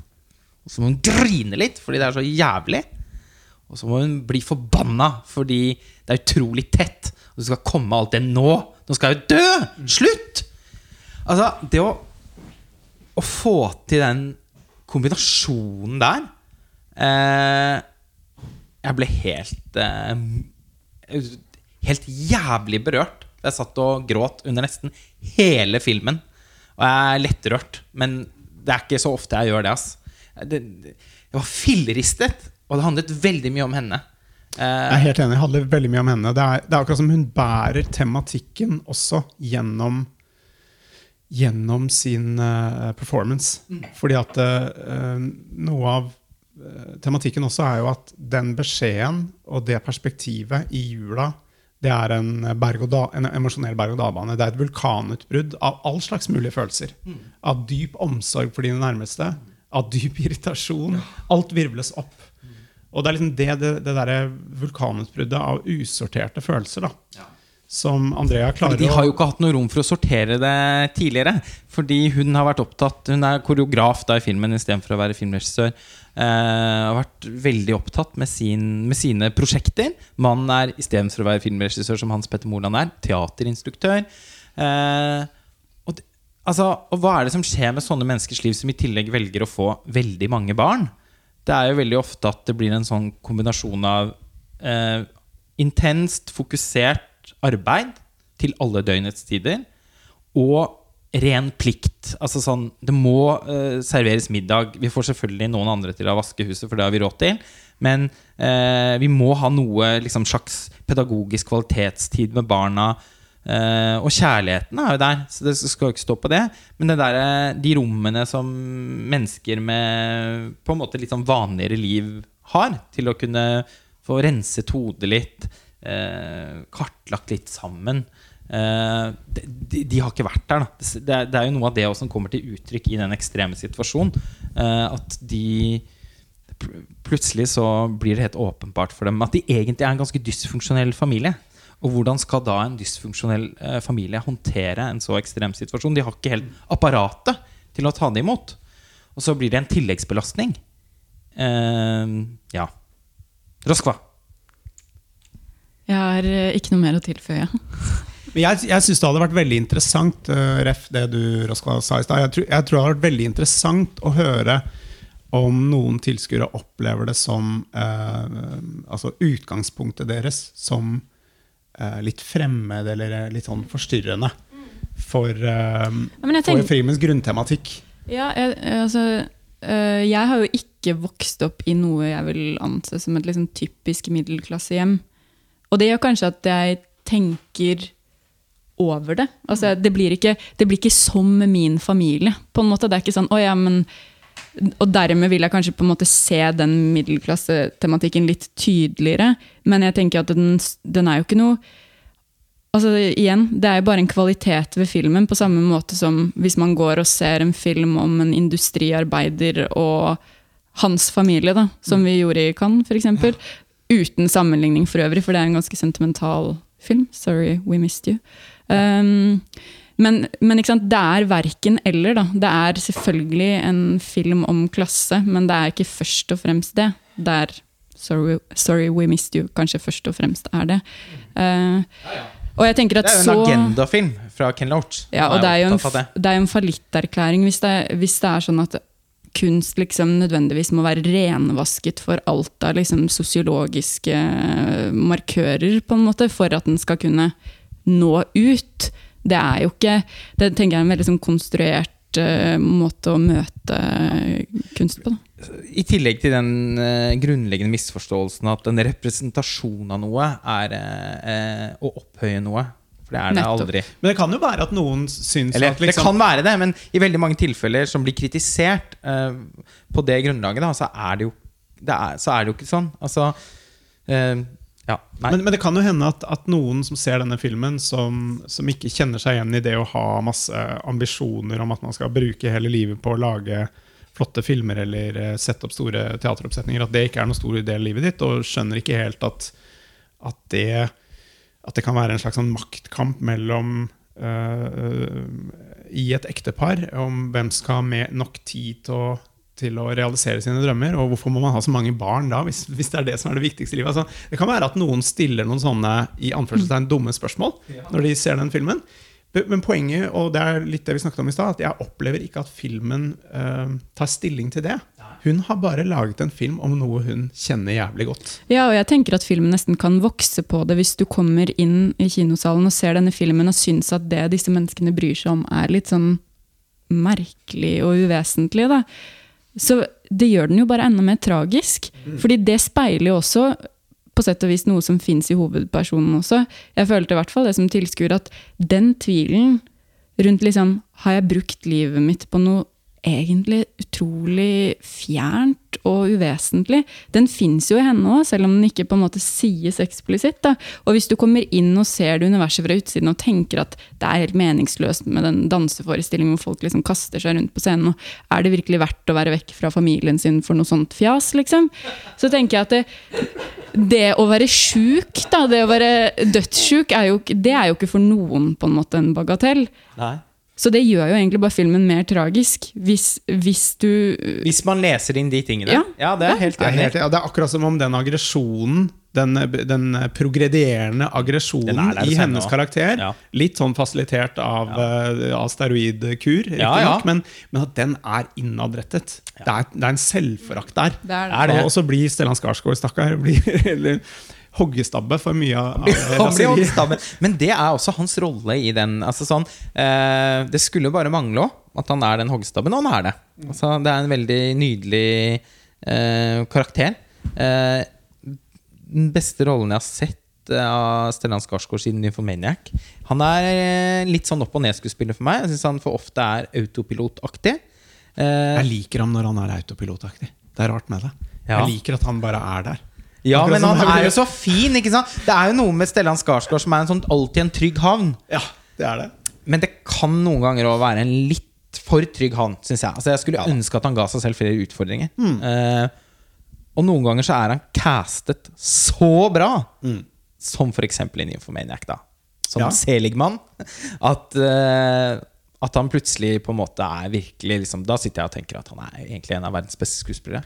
Bare han blir brukt riktig. Her får han Han er seg selv lik her òg, men eh, men det kreves litt mer av han emosjonelt, rett og slett. Altså han, eh, det er så mange av situasjonene i filmen hvor han er den som på en måte har en reaksjon i bakgrunnen. Eh, og han kan ikke stille seg i forgrunnen heller. Og det er hun veldig opptatt av. Det er ikke du som, har, det er ikke du som skal dø! Nei, jeg, nei da, men jeg er veldig trist. Men hvor troverdig, hvor troverdig er ikke det? Ja, det er Ikke sant? Det, der, det er ikke plass til hans sorg. Nei. Det er, det er ikke plass til hans Den må, den må tas sammen med en eh, pølse med lompe eh, Ja, ute ved riksveien og et Og hun venninna også, jeg Hun fikk jeg også mye medfølelse med. Hun nordnorske venninna. Ja. Som på en måte også helt åpenbart har en livskrise, da, fordi venninna hennes skal dø. Og, og hun er det i hvert fall ikke plass til. Altså, det syns jeg også filmen viser på en veldig sånn subtil, fin måte. Bare liksom peker mot noen av disse bikarakterene. Og gjør at vi som tilskuere kan liksom dvele ved dem, men filmen dveler ikke ved dem. De bare liksom befinner seg i bakgrunnen når vi ser at de gråter. og liksom... Uh, Gjerterud Gynge, Absolutt. som Mm. også er en litt underkjent skuespiller. Altfor lite brukt. Alt for lite brukt. Mm. Han er så veldig fin Altså Det er mange andre Det må man skynde seg å si. Dette er jo Stellan Skarsgård og Andrea Brein Hovigs eh, film, men det er mange andre som utmerker seg her. F.eks. Uh, Eli Rhiannon. Eh, Müller Osborn. Müller Osborn, som spilte i Psycho Bitch. Hun er kommer ikke fra. Drammen. Ikke fra Drammen. Eh, men, eh, men det er noe med den, det, det du var inne på nå, altså den narsissismen i å Man kan se også hos folk som liksom får en alvorlig sykdom, og, og det blir for mye dem. da. Altså Til og med det har hun fått plass til. Mm. Maria Sødal i en film som handler om, om henne selv. Ja, og alle barna Er er ordentlig avrunde karakterer, da. Eh, inkludert eh, altså Hun får mest plass. Hun eh, blant eh, Maria Sødals Eller Og, det, og der tror jeg at det hadde du ikke fått hvis du hadde valgt en annen skuespiller i hovedrollen som var litt mer sånn av den naturalistiske skole. Andrea har det derre litt sånn divaaktige Ja. eh, hun, hun er en stor teaterskuespiller, og hun har en sånn Hun tar rommet, og det trenger man i denne rollen. Eh, fordi man skal også vise eh, uflatterende sider. Men desto mer imponerende at man likevel har Det handler mye om manus òg, selvfølgelig. At man har liksom klart å sørge for at de barna for eksempel, er forskjellige mennesker. Eh, som vi også blir nok tilstrekkelig kjent med. Ja, og, også, og et annet sånt fint lite grep. eh, på den bryllupsfeiringen så sitter jo de to eldste sønnene til Stellan Skarsgårds karakter. eh, og veksler noen blikk, fordi de har jo en annen mor. Altså, og det er åpenbart at han har gått fra deres mor en eller annen gang for 20 år siden for å bli sammen med eh, denne hovedkarakteren. Og, og det har også filmen plass til. Bare et sånt bitte lite blikk på de to. Alt så vi skjønner at, fortalt ja, at ok, her er det en historie som heller ikke Som også er vond. ja, Som også er vond, og som heller det ikke er plass til i dette liksom, scenario som Den romantiske fremstillingen av hvordan eh, hovedpersonen og hennes mann fant hverandre, Ja. den Så spøker det en annen fortelling vi, i vi, vet, ikke vi sant? skjønner der at Ja. eh, det var ikke helt sånn. Men sånn må det være nå, når vi skal feire at de har giftet seg. Eh, men, eh, men, så, men det er fint at du nevner hun Eller Jannon Müller Osborn. Eh, fordi hun har et par scener som er skikkelig skikkelig, skikkelig bra. Vi skal komme tilbake til henne, for hun spiller jo hovedrollen i en annen norsk film. Øvrig, Psycho Bitch. Eh, men blir åpenbart bare bedre og bedre. Og, og de legene òg, som altså valget mellom å velge da autentisk helsepersonell Veldig vellykket. Veldig vellykket, og ganske risikabelt. Ja. Um, eh, Lege, du er jo lege selv, eh, men du er jo skuespiller i tillegg, så du har kanskje en litt annen måte å formidle på. Men min sånn det, Ja, altså, det er viktig ja. Det er mange leger, og tannleger ikke minst, som har en litt sånn både liksom forsøksvis beroligende, men også litt mekanisk måte å forklare og, ikke sant? Fordi det er rutine. Nettopp.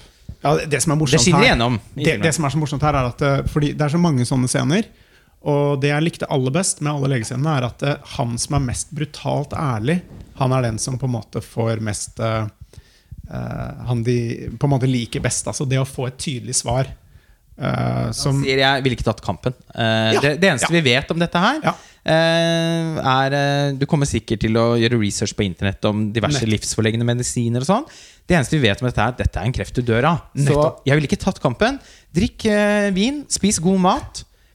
Men også hårreisende pragmatisk, da, på en eller annen måte. Veldig pragmatisk. Og noen ganger er jo, der er jo folk forskjellige. Noen, det blir for, eh, for realistisk, eh, eller for, eh, for mye info for noen. Ja, og det blir jo det litt for en nå. Men de fleste jo at eh, de, de fleste blir jo mest ja. sur over ikke å få tydelig og realistisk info tidlig. Men, men der går filmen også rett inn i tittelen og dens hovedtematikk. At håp, det er, det er positivt, men det er også vanskelig. Fordi at det at ting ikke er avklart, det at du ikke har et klart svar, det betyr at du kan ikke gå over i en akseptfase. Og det veldig mange sier som står i sånne situasjoner, er at det, det verste Hvis du går gjennom et sånt kreftforløp, da, og så veksler du mellom, mellom at eh, du overlever, eller du kommer til å dø. Det er det du veksler mellom. Det aller verste det er å stå i uavklarte situasjoner.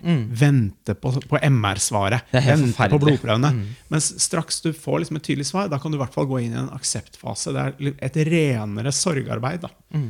Og der er liksom, som du sa i stad, denne filmen er, helt, er så sjelden. Det er så få filmer som, som tematiserer det, og når de først gjør det, det så få filmer som, som gjør det på en vellykket måte. Og som hele tiden har rom for to tanker i hodet på en gang, og to følelser oppå hverandre. F.eks. som at hun blir jo Når hun får det veldig ærlige svaret, da, så syns hun jo både det er litt forløsende, og, og så blir hun skikkelig forbanna på, på samme tid. da. Hun blir forbanna den, eh, Det sinnet projiserer hun da umiddelbart over på mannen. Det er ikke du som skulle stille det spørsmålet! Det er, ikke, det er jeg som skulle gjort det hvis jeg hadde hatt lyst på svaret. Men hun har jo egentlig også lyst på det svaret. ikke sant? Men det er sånn eh, åh, det, Jeg syns det er så utrolig bra hvordan, man, hvordan filmen også er fylt av Fordi når filmen også heter Håp, så eh, Og fordi vi vet at historien har en, en fin utgang, så eh,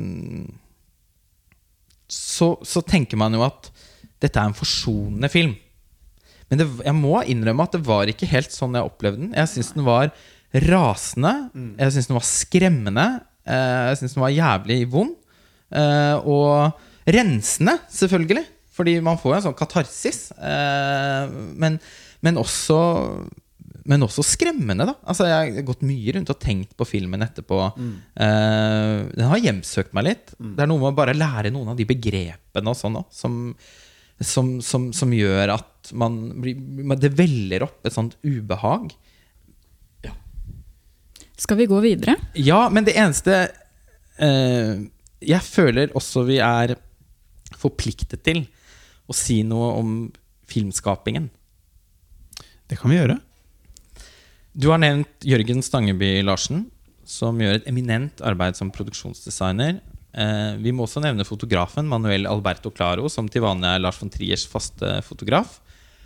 Og som gjør et arbeid der som liksom ved første øyekast kan virke litt sånn skjematisk. Eh, kanskje ikke noe som står ut. Men det er helt riktig for filmen at det ikke står ut. Det, og det er veldig det, det er et ganske imponerende arbeid. Jeg satt og tenkte på at mange av utsnittene eh, måten, Altså samspillet her også mellom kamerabevegelser og klipp Christian Siebenherz, som er klipper, eh, er bedre gjort enn en i de aller fleste filmer man ser. Jeg er helt enig. Du bare ser det ikke så godt. Altså det, de, de, alle de elementene du, du snakker om, er eh, Alle gjør akkurat det de skal. Ja. Og så kunne det blitt forkludrende hvis det var mer spektakulært. Eller er gjorde ingen- mer ut av seg. Ja, for det er ingen som spiller solo, men orkesteret spiller sammen veldig sånn samstemt hele tiden. Eh, det er scener hvor vi f.eks. trenger å Trenger å komme enda tettere på Andrea Brein Håviks emosjonelle reaksjon. Men istedenfor å ty til en sånn kamerakjøring mot ansiktet, så velger man isteden subtilt å fjerne ting i bakgrunnen optisk. Eller Altså, det, det er eh, det høres også så kjedelig ut å si det. Det er råproft arbeid. Men det er også det. da Man ser at det er sånn en virkelig erfaren fotograf som, eh, som har forstått hva slags språk filmen trenger. Jeg er helt enig. Det er eh, effektivt og proft og står ikke i veien for, for det som nødvendigvis må være i, i, i forgrunnen. Um, og um, Ja. Dette, dette er rett og slett en stor, stor norsk film, Det er det. og som alle bør se. Jeg vet ikke om det er, er eh, så mye mer å si. Ikke? Nei, vi må, nå må vi bevege oss eh, videre. Uh, hvorfor ikke snakke om barn, da? Dag Johan Haugeruds mesterverk. Eh, Roskva, Mhm. hva, hva for slags film er det? Uh, ja, barn uh, tar utgangspunkt i en hendelse på en barneskole. Hvor uh, en gutt på 12-13 år dør. Um, og så er diskusjonen hva er det han har vært utsatt for? Og det er en diskusjon som ikke bare går på liksom rent konkret hva som har skjedd her, men også er egentlig filmen i veldig stor grad sånn jeg opplever det, en diskusjon rundt hva slags begreper vi bruker, og hva slags språk vi bruker for å lage, skape en slags virkelighet rundt oss. Da. Eh, og filmen den har mange hovedpersoner som bytter på liksom, typisk Dag Johan Haugerud-stil, egentlig. Vandrer fra karakter til karakter og gir veldig mange av dem sånn cirka like stor plass. Sånn at sympatien vår også gradvis liksom Ja, ikke nødvendigvis forflytter seg, men fordeler seg utover på persongalleriet. Um, det handler om rektoren på denne barneskolen, som også har et forhold til den avdødes far. Det handler om hennes bror, som er lærer, um, barnløs, uh, og som spiller en slags sånn Eller som opplever seg selv som en slags sånn grense uh, At han befinner seg i et sånn grenseland mellom selv å være på en måte barn uh, og å være en voksen. Og har sånn, kanskje særlig god kontakt med de unge fordi han selv har noe ungt ved seg, på godt og vondt. da. Eh, og så handler det om eh, familien til denne rektoren og hennes bror. Altså, det er en sånn, ja, fortelling med ganske mange karakterer. Um, og uh, tittelen 'Barn', altså det handler om Jeg vet at Dag Johan Haugerud selv liksom sier at det handler om hva det vil si å være barn, men også hva et barn er i det norske samfunnet. Eh, hva det gjør med oss å ha barn eller ikke ha barn. Altså, det er barn i ganske sånn vid forstand som er tematikken i filmen. Det var vel kort oppsummert, kanskje? Ja, dette er en uh, film på to timer og 37 minutter, tror jeg. Som rommer veldig mye, og det er, eh, barn er en lang samtale. Jeg vet at dere har hatt en, i hvert fall en Q&A med litt dårlig lyd, tror jeg, i en annen episode. Ja, veldig dårlig Ja, lyd. men, men ja, så så det var veldig flott eh, oppsummert handlingen. Uh, barn er et norsk filmmesterverk, etter, min, etter mitt syn. Um, med et stort persongalleri.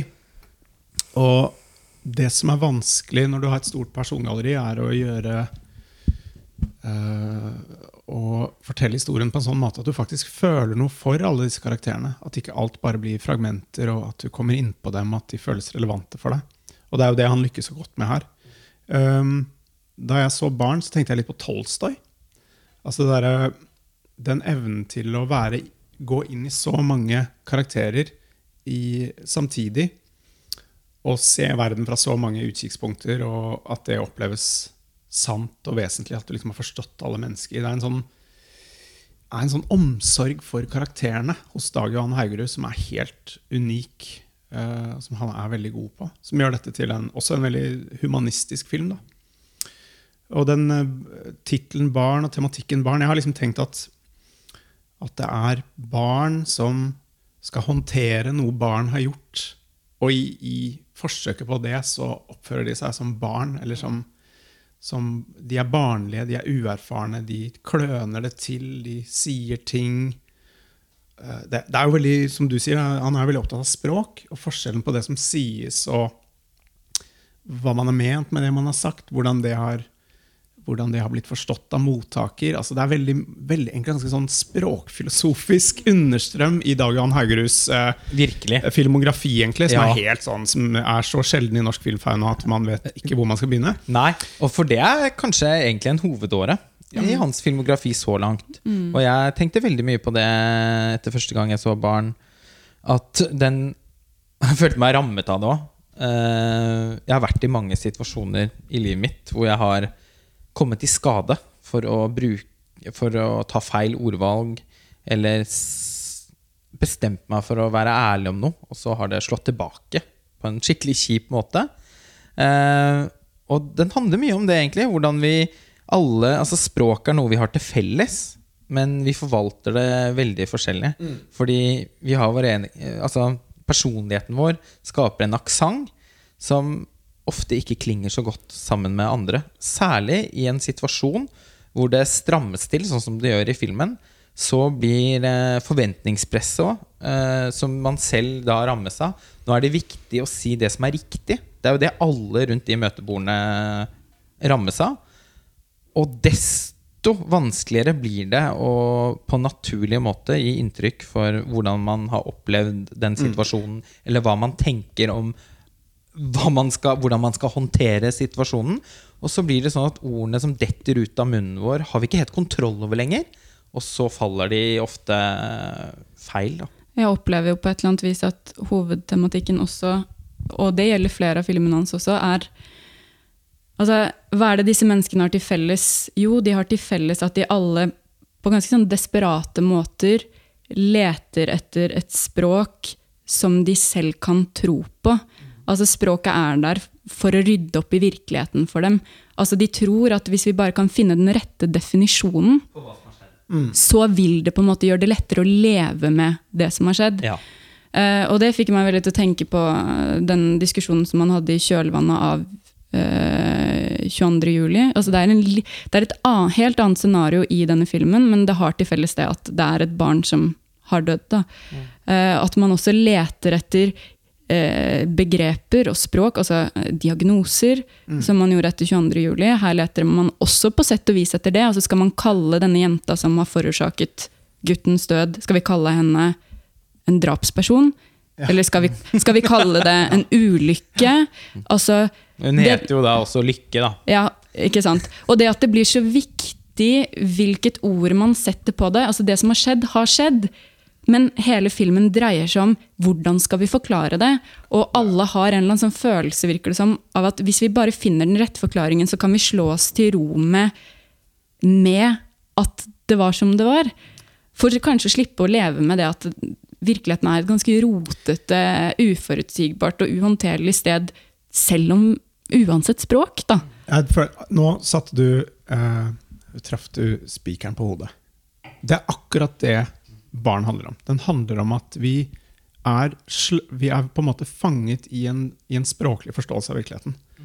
Og ikke bare strever vi med å forstå komplekse hendelser, altså et, et barns død under uklare omstendigheter. Vi, vi strever med å forstå det og sette ord på det for vår egen del. Men når vi tror vi har forstått det selv, med vår egen måte å, å eh, altså Fanget av våre egne diskurser og vår egen sannhetsboble, så skal vi da begynne å formidle dette til alle mulige andre som har sine måter å, å forstå verden på gjennom språket. Det er det barn handler om. Og Det er- det er så dypt intellektuell film. Og allikevel så rammer den jævlig hardt emosjonelt også. Og det tenker jeg har litt å gjøre med måten den er fortalt på, og hvordan han eh, Og der ble jeg veldig imponert av Dag Jan Haugerud sammenlignet med hans tidligere filmer, egentlig. Hvor, hvor han, hvordan han nærmest bruker en sånn retrospektiv metode. Mm. Liksom, hva er det som har skjedd? Hva er liksom altså de, den, Det som Robert McGee ville kalt den, the inciting incident, altså barnet dør. Hva var det egentlig som skjedde? Altså nøstingen opp av, av det mysteriet. Eh, men også den emosjonelle payoffen han får når eh, det forulykkede barnets far skal gå og eh, på en måte utligne sine følelser. Han skal, han skal ta en slags hevn, uh, uforberedt hevn, overfor det barnet som, som har uh, i gåsehudene drept det andre barnet. Og hvor han ikke klarer å få seg til å si noe annet enn fittunge. eller noe sånt. For da føler han at, han at hans følelser blir gjenopprettet i et sånt veldig basalt, gammeltestamentlig hevn, hevnperspektiv. Og hva skjer da? Han blir akutt rammet av en dårlig samvittighet.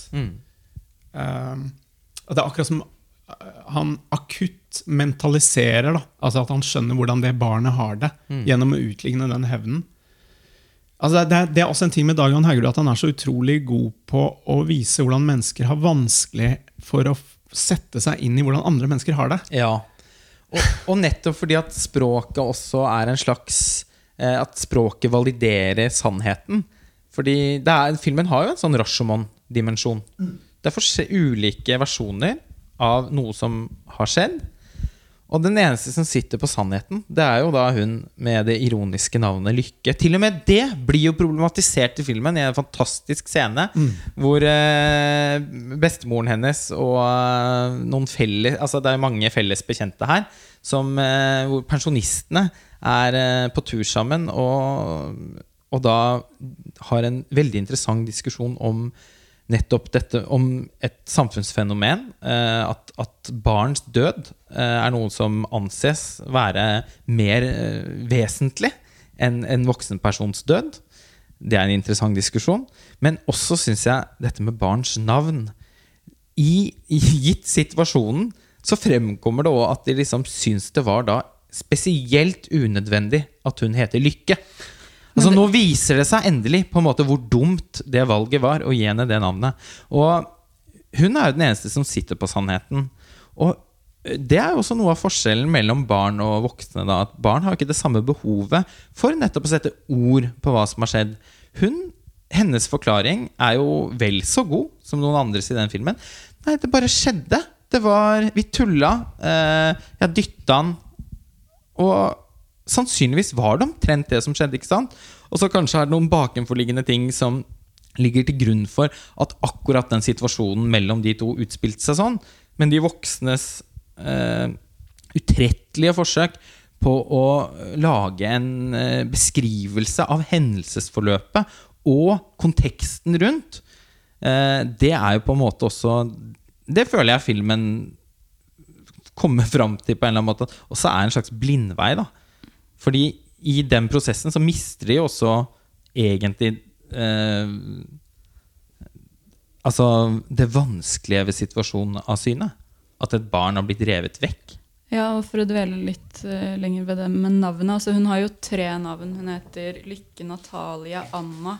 Og det er veldig sånn eh, De tre navnene brukes om hverandre. Jeg husker jeg synes det var uh, Jeg leste det manuset her for lenge siden fordi jeg intervjua Dag Johan Haugerud uh, til forord i, bokutgivelsen av manuset. Og, jeg syns det virket så søkt første gang jeg leste manuset før jeg hadde sett filmen. Og dette med at hun plutselig het Lykke, og så Anna, og så Natalie. Men selvfølgelig, jo lenger jeg kom i teksten, jo mer ga det mening. For hva er dette navnet? Jo, det er en sånn ansamling av de voksnes projeksjoner. ikke sant? Hun er Anna for bestemoren fordi hun er oppkalt etter hennes mor. På skolen er hun Natalie. Jo, hva lukter det? Jo, litt sånn det vanlige. På skolen er vi alle like. Det skal være demokratisk. Natalie er et vanlig navn. Selv om foreldrene kaller henne Lykke, fordi de ønsker selvfølgelig at hun skal være slags sånn Hun skal være lykkelig. Hun skal liksom målbære det, da. Eh, og hvem er dette mennesket, da? Som går rundt og har alle disse navnene festet ved seg. Og det er et så fint grep ved filmen, er at hun hun forsvinner nærmest. Altså hun er et ansikt. Hun er et ansikt som, som ser bare helt som, ut som hun har gitt opp, egentlig, fra starten av. Fordi det fins så mange stemmer som skal de Definere. henne. henne. Eh, og i siste scenen så står hun jo i en bunad som bestemoren har sydd til henne. For det er viktig med tradisjoner osv. Jeg ønsker at hun skal få en følelse av sammenheng. som Ja. du sier. Uh, og da jeg pratet med Dag Johan, så syns jeg han beskrev det på en veldig fin måte. Han sa uh, hun står der i en fangedrakt. Den bunaden er en fangedrakt. Så vil hun bare gå og legge seg. Mm. Og det er, liksom, det er ikke noen andre muligheter igjen for henne. Hun er liksom knebla og fengsla da, fordi det ikke fins noe rom. Fordi alle disse språkene er her for å ta tak i henne og bruke henne i ulike, til ulike formål. Og hun må teste ut hva som er eh, altså hennes mulighetsrom i den situasjonen.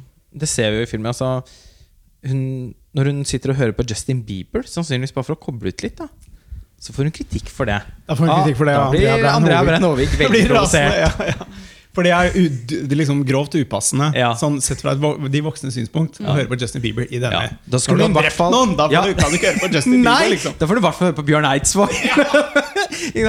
Og så må hun teste ja, Hvis jeg kaster opp, da Som jeg tenker at ikke er altså Jeg leser den, i hvert fall den scenen sånn som at det er noe hun har fremkalt selv.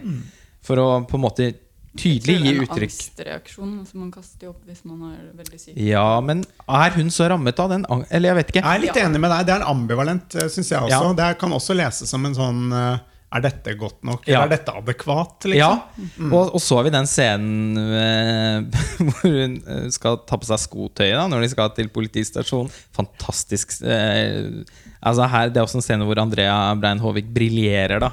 Ja, nei. Nei, det er klart det er vel ikke så nøye om du blir litt våt på bena. Du har jo drept noen, så da er vel ikke sånt noe så nøye lenger. Eh, hun, eh, og så blir hun rammet akutt dårlig samvittighet. Uff, usch, unnskyld, det var kjempestygt sagt. Ja, det var, det var virkelig også veldig stygt sagt. Så hun eh, Lykke ram... Altså, hun Jeg tenker at hennes oppfatning av hva de voksne forventer av henne i den situasjonen, nødvendigvis også blir veldig forvirrende. da Og de går jo aldri inn i Vi får ikke se en eneste scene hvor det er noen som forsøker å liksom oppriktig få høre fra henne hva hun tenker. Anders, da, i så fall. Jo, litt. Når han kommer på sykebesøk, på en måte. Eh, og det er jo helt åpenbart at de har en veldig god relasjon som lærer-elev. Han klarer å åpne opp noe i henne fordi han er lyttende. Men han er jo, Det er sant, men han er vel da den eneste voksenpersonen som er det, da.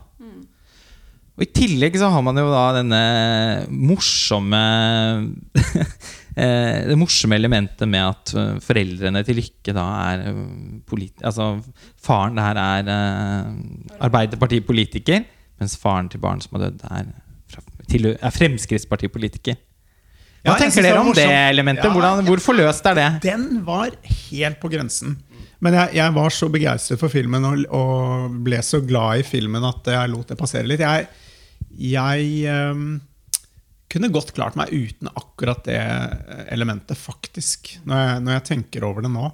Uh, det jeg derimot setter veldig stor pris på, det er uh, Dag Johan Haugeruds bruk av humor i, uh, i ganske pussige sammenhenger. Altså F.eks. for i form av et trillende kålhode. Altså hvor, eh, hvor eh, da eh, Henriette Stenstrups karakter konfronterer sin bror i oppkjørselen med at han har vært, ikke har fortalt sannheten om at han faktisk ikke var på inspeksjon i skolegården. Han har jo fram til da holdt det skjult at han, at han var litt eh, fascinert av en eh, ja, det, ble, det ble veldig komplisert, men det var en hospitant som også var homo. Han er selv homo, som han ble litt sånn eh, fascinert av. Og det gjorde at han kanskje glemte litt å være på inspeksjon i skolegården. Og det kunne kanskje ha forhindret dødsfallet. Og det er på en måte den skylden eh, Jan Gunnar Høises karakter går rundt og bærer på. Og den er han uærlig om. Og Ja. det kommer da for en dag i en veldig sånn konfrontasjonell scene som ender med eh, omfavnelse og trillende Kålhode. fårikålhode. Altså, det, det, er, det er den bruken av humor også, når, for når Hans Ola Brenners karakter snakker om skyld mens han eh, klipper tånegler. Um, uh, og det kunne vært uh, litt påtatt og manert, og sånn, men det er bare veldig godt integrert. da. Ja, det er det. Ikke minst når da Andrea Brein Hovig oppdager dette utslettet på nakken. Oi, det er veldig hissig! som hun også litt sånn passivt aggressivt bru, altså sånn, eh, Som om han liksom også må forklare det i den situasjonen hvor de har masse annet å tenke på. Drit i det utslettet akkurat nå. Eh, men hvor hun liksom ja, Er det sånn Fordi, fordi noen ganger kan Er det psykosomatisk? Eh, ja. Dag Jan Haugeruds eh, sosiale kleinhet kan jo noen ganger være litt sånn iscenesatt. Altså det, I den grad han er stilisert, så er det at vi liksom føler at en scene i en Dag Jan Haugerud-film skal ende med en sånn litt sånn eh, klein standoff, liksom. Um, men, det, men det som er menneskelig, er den der bruken av Det er ganske menneskelig at man multitasker, at man snakker om de alvorligste ting, mens man også eh, snakker om må, må klippe tånegler, f.eks. Eh, i, I et småbarnshjem. Det kan forekomme. Um, at han har plass til det. da Jeg syns det er en veldig befriende um, og avvæpnende form for humor. Ja, eh, og jeg, jeg så det var noen som kritiserte filmen for at det på en måte bare var en sånn oppsamling av ulike kronikker. Og det, da ble jeg så fornærmet på filmens vegne. fordi at ja, den har jo Jeg tenker på dette med det lærerkollegiet, for der fins det også ganske mye humor. Blant annet like etter dødsfallet så begynner de å diskutere hvorvidt de skal opprette en sånn minneside på Facebook. Eh, hvor Trine Wiggens karakter, som også er utrolig Hun er også utrolig god i den filmen. her. Hun er jo også alltid, nesten, veldig god. Ja, hvor hun mener at de burde opprette en side på skolens intranett eller et eller annet i- istedenfor. Altså, hun har jo en sånn eh, medfødt misbilligelse.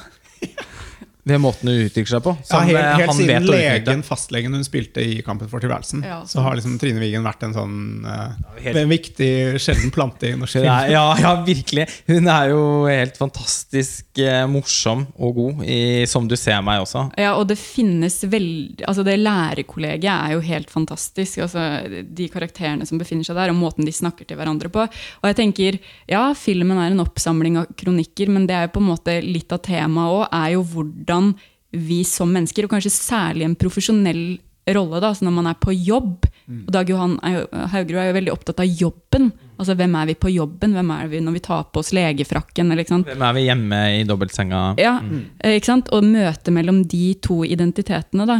Og hvordan dette lærerkollegiet også eh, på en måte tar på seg et sånn slags kronikkspråk. Og hvor man har en del meninger også som kanskje ikke er så veldig gjennomtenkte, da, men som ligner litt på noe intelligent noen skrev i Dagbladet Meninger for, forrige helg. Liksom. Som f.eks. den kritikken av Facebook. Da. Altså, ting blir, og da blir ting veldig absurd. Da. Fordi at det kommer bare påstand på påstand og frase på frase. Og så er, ja, Og, og igjen er man fanget av det diskursive. Ikke sant? Ja. Igjen er man fanget av hvordan man snakker om ting i et sånt uh, lærerkollegium. Og hvordan man forholder seg til det da. Det, det blir umulig å møte som mennesker. Fordi Ja. man spiller rollen som rektor eller som inspektør, og sånn, og så det liksom Så, så, så blir man fanget av, av eh, lingoen i det Ja. systemet man er i til enhver tid. Og avstandene som oppstår mellom eh, en intensjon, det man sier, og hvordan det blir oppfattet. F.eks. som når han Anders da eh, på en egentlig pedagogisk veldig ålreit måte eh, håndterer en situasjon hvor det er noen som har tegnet en tegning av en eh, lærerkollega, eh, hvor det står 'fuck me' på tavla.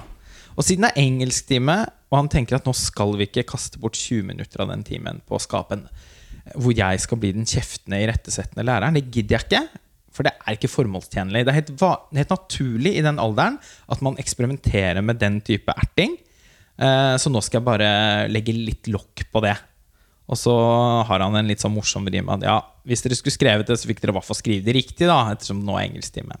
Og så blir det da tatt opp på et læremøte hvor også den å, eminente Ane Ryg, som gjerne også er utrolig morsom når hun får en rolle i norsk film, som da har en helt annen oppfatning eh, enn han da, rundt hvordan man skal håndtere en sånn situasjon. Fordi hun som kvinne opplever at det var eh, en sexistisk måte å, å, å, å liksom eh, Sexistisk av han, fordi at, som hun sier ja, Når jeg snakket med datteren min, så fikk jeg inntrykk av at du, at du ga uttrykk for at du nærmest syntes det var litt tøft. Nettopp. Og det, altså her er vi Og et den- veldig den- morsomt ordvalg, da. Bare en barneskolelærer kan bruke ordet 'tøft' på en så Altså, det ordet ta, Det er det jo ingen som bruker lenger, omtrent. Eh, det er, jeg, jeg ser for meg sånne situasjoner hvor, lærer, hvor barneskolelæreren sier 'Så tøff du var i dag! Så tøff genser!' Får aldri lyst til å bruke den genseren. Igjen så, så ser vi hvor god Dag Johan Haugerud er til å uh, iscenesette det tematiske. Altså Her får han sagt noe om en sånn dypt samfunnsaktuell tematikk. At vi lever i en sånn kollektiv viskelek på internett og på sosiale medier. Altså, hva er det som egentlig har skjedd? Det vi eksponeres for, er polariserte meninger. Vi har liksom ikke tilgang til Vi har ikke førstehånds kjennskap til fenomener, til andre mennesker. Det er, bare, det er en sånn stor viskelek vi driver med. Uh, og og, og det, det er liksom filmens grunntematikk igjen. Altså vi, vi så, det er så vanskelig å virkelig forstå hvordan andre mennesker har det. Vi er så fanget av mangel på informasjon, av, av uh, mangel på å forstå hvordan andre mennesker bruker språk, hvordan vi selv bruker språk. Og alt er liksom lost in, in uh, Om ikke translation, så i hvert fall i formidling. Vi, er, vi, vi uh, er isolert da, som mennesker. Ja, og er det på en måte noe som ligger og spøker under overflaten her, og som jeg føler at kanskje spøker litt under overflaten, som du ser med også. Som er litt sånn sånn Ok, men hva, hva skjer med et samfunn der man på en måte ikke er enige om noen idealer? Da? Eller så, sånn, vi har ikke noe religion, vi har ikke noen absolutte sannheter som veileder oss, og som gjør at liksom, man kan slå i bordet og si ja, men sånn er det. Dette er godt, dette er ondt, sånn gjør vi det her. Alt er egentlig oppe til forhandling. da. Enhver eh, altså, Til og med det som kan framstilles i en scene som liksom en åpenbar sannhet, blir i neste scene liksom snudd helt på hodet. Og det derre strevet altså, mm, Selvfølgelig kanskje er det prisen å betale liksom, for å leve i et moderne, sekulært samfunn. Da. Ja. Men han klarer også å Jeg blir veldig sliten av å se på filmene hans. Jeg, jeg får sympati med menneskene, og samtidig så blir jeg liksom sånn Jeg blir så oppgitt over dem også. Ja, for det er jo da også noen av de for eksempel, da, som velger, fordi at de har fått tildelt en taletid rundt bordet, velger å problematisere noe som blir sagt, bare for å gjøre det. Ja, absolutt. Så det er Og så er det eh, også, jeg tenkte, Da jeg så den, så eh, tenkte jeg på flere filmer, men blant annet eh, Police av Moi Venn, som også skildrer, skildrer på en eller annen måte liksom, ja, Det skjer dramatiske ting på jobben, og så har man et liv hjemme. Så sånn sett er det noen paralleller. Men den store forskjellen mellom de to filmene, som altså jeg føler at også er ganske sånn betegnende for Dag Johan Haugerud sin måte å skrive på, er at menneskene han skriver fram, de sliter altså, de, strever, de jobber så jævlig hardt. da. I, i, I Police så har det mye mer den der, man går på jobben, og så viser man sitt eh, på en måte edleste ans ansikt, og så drar man hjem, og der får man liksom utløp for grumset og gruffet. da. Mens i denne filmen så føler du, jeg føler i hvert fall, at som f.eks. rektoren på skolen, men også broren hennes altså, De tar med seg den samme holdningen inn i privatlivet sitt. Da. De er veldig selvkritiske. Eh, De er egentlig veldig lite selvrettferdige òg, til tross for at alle hele tiden prøver å argumentere for sitt ståsted. Så, så har de en sånn derre De virker ikke overbevist om at de sitter på sannheten. Da. Og Et eksempel er jo han Anders-karakteren, som på sett og vis er den som har den beste kommunikasjonen med barna. Men han ser jo også det som et tegn på hans aller svakeste side, som nettopp er det at han kanskje er litt sånn opptatt av å bli likt eh, av barna, og være kul. Altså Han ser ikke på det som en udelt styrke at han faktisk kanskje er den eneste som de føler seg forstått av. Da. Han tenker at ok, men det er en karakterbrist hos meg, fordi jeg er ikke ordentlig voksen. Eh, Jeg klarer ikke å være tydelig. Og, og den dobbeltheten fins i veldig mange av karakterene. At det, det som vi kanskje kan som tilskuere se som deres fortrinn, ser de på en måte selv som en eller annen svakhet da, som de må jobbe med. Og alle befinner seg i et litt sånt helvete hvor de, hvor de prøver å rydde litt opp i seg sjøl. Dette gir oss en god bro over til eh, en helt annen film i utgangspunktet. 'Psycho Bitch' av Martin Lund. For der møt, Den handler også mye om kommunikasjon mellom barn og voksne. Eh, og vi blir der Vi møter en eh, gutt som heter Marius, som går siste året på ungdomsskolen på Gjøvik. Og som er en litt sånn ufrivillig alfahann. Eh, det er litt sånn at skolelyset er den nye alfahannen. Og det har jo blitt litt sånn eh, med Kunnskapsløftet og helt andre typer forvent... En helt annen slags forventningskultur eh, blant ungdommer i dag enn da noen av oss var ungdommer. Hvor det var om å gjøre å være kulest og gjøre mest opprør og eh, Ja, kødde med læreren og sånn. Jeg har aldri sett det så tydelig fremstilt i en norsk film som i Psycho Bitch, at sånn er det ikke helt lenger. Eh, og han opplever jo å både være Han er opplever lærernes anerkjennelse. Han er populær blant eh, jevnaldrende jenter. eh, og han har foreldre, sånn utrettelig tjenestevillige foreldre som til enhver tid er opptatt av å eh, bekrefte han. Og det går for langt. Han, han opplever jo selv at han ikke er et egentlig så om, jeg, tror ikke det er sånn at han nødvendigvis føler at han ikke er et så godt menneske som han blir beskrevet for, men han er et mer uavklart menneske. Han er i en identitetsskapende prosess hvor han ennå ikke helt vet hvem han er. eh, og hvor det er sjenerende for han å hele tiden bli løftet opp eh, til å være noe som han ikke helt vet om han kan stå for at han er. Og så havner han da i den situasjonen at eh, en, en, en jente på skolen som er en skikkelig ramp, som heter Frida, eh, som, som nekter å innfinne seg med egentlig den kulturen, da, som Apropos det å liksom eh, bli enige om hvordan man skal forholde seg til hverandre, eller være i en gitt eh, Klasseromskulturen, eller skole, skolegårdskulturen, eh, har, eh, den, den er ikke for henne. Hun kjenner seg ikke hjemme Hun er ikke hjemme der. Hun er eh, fremmedgjort eh, og har en eh, barnlig måte å uttrykke det på. Alle de andre er eh, langt inne i puberteten og på vei mot voksenlivet.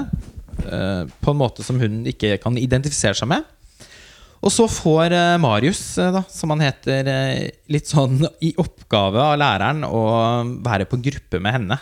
Fordi han er en ressurs, og han kan godt dele litt uh, av, av ressursene sine med en mer vanskeligstilt elev, istedenfor å havne på gruppe med noen som lærerne anser som mer sånn uh, jevnbyrdig. Da.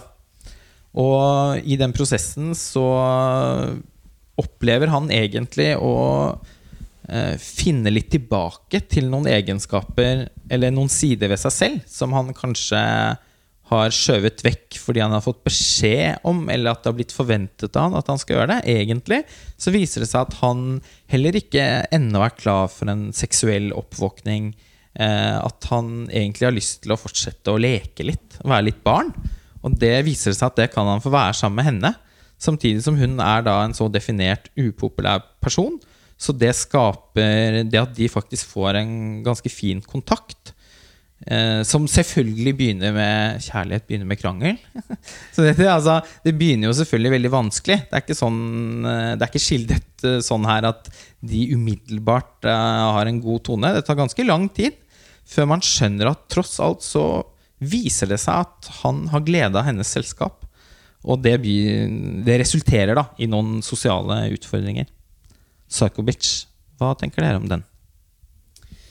Jeg tenker litt med den filmen at uh, min mening ikke er uh, så viktig her. At dette først og fremst er en film som uh, jeg ville på en måte måle kvaliteten litt på i hvilken grad den treffer sin målgruppe.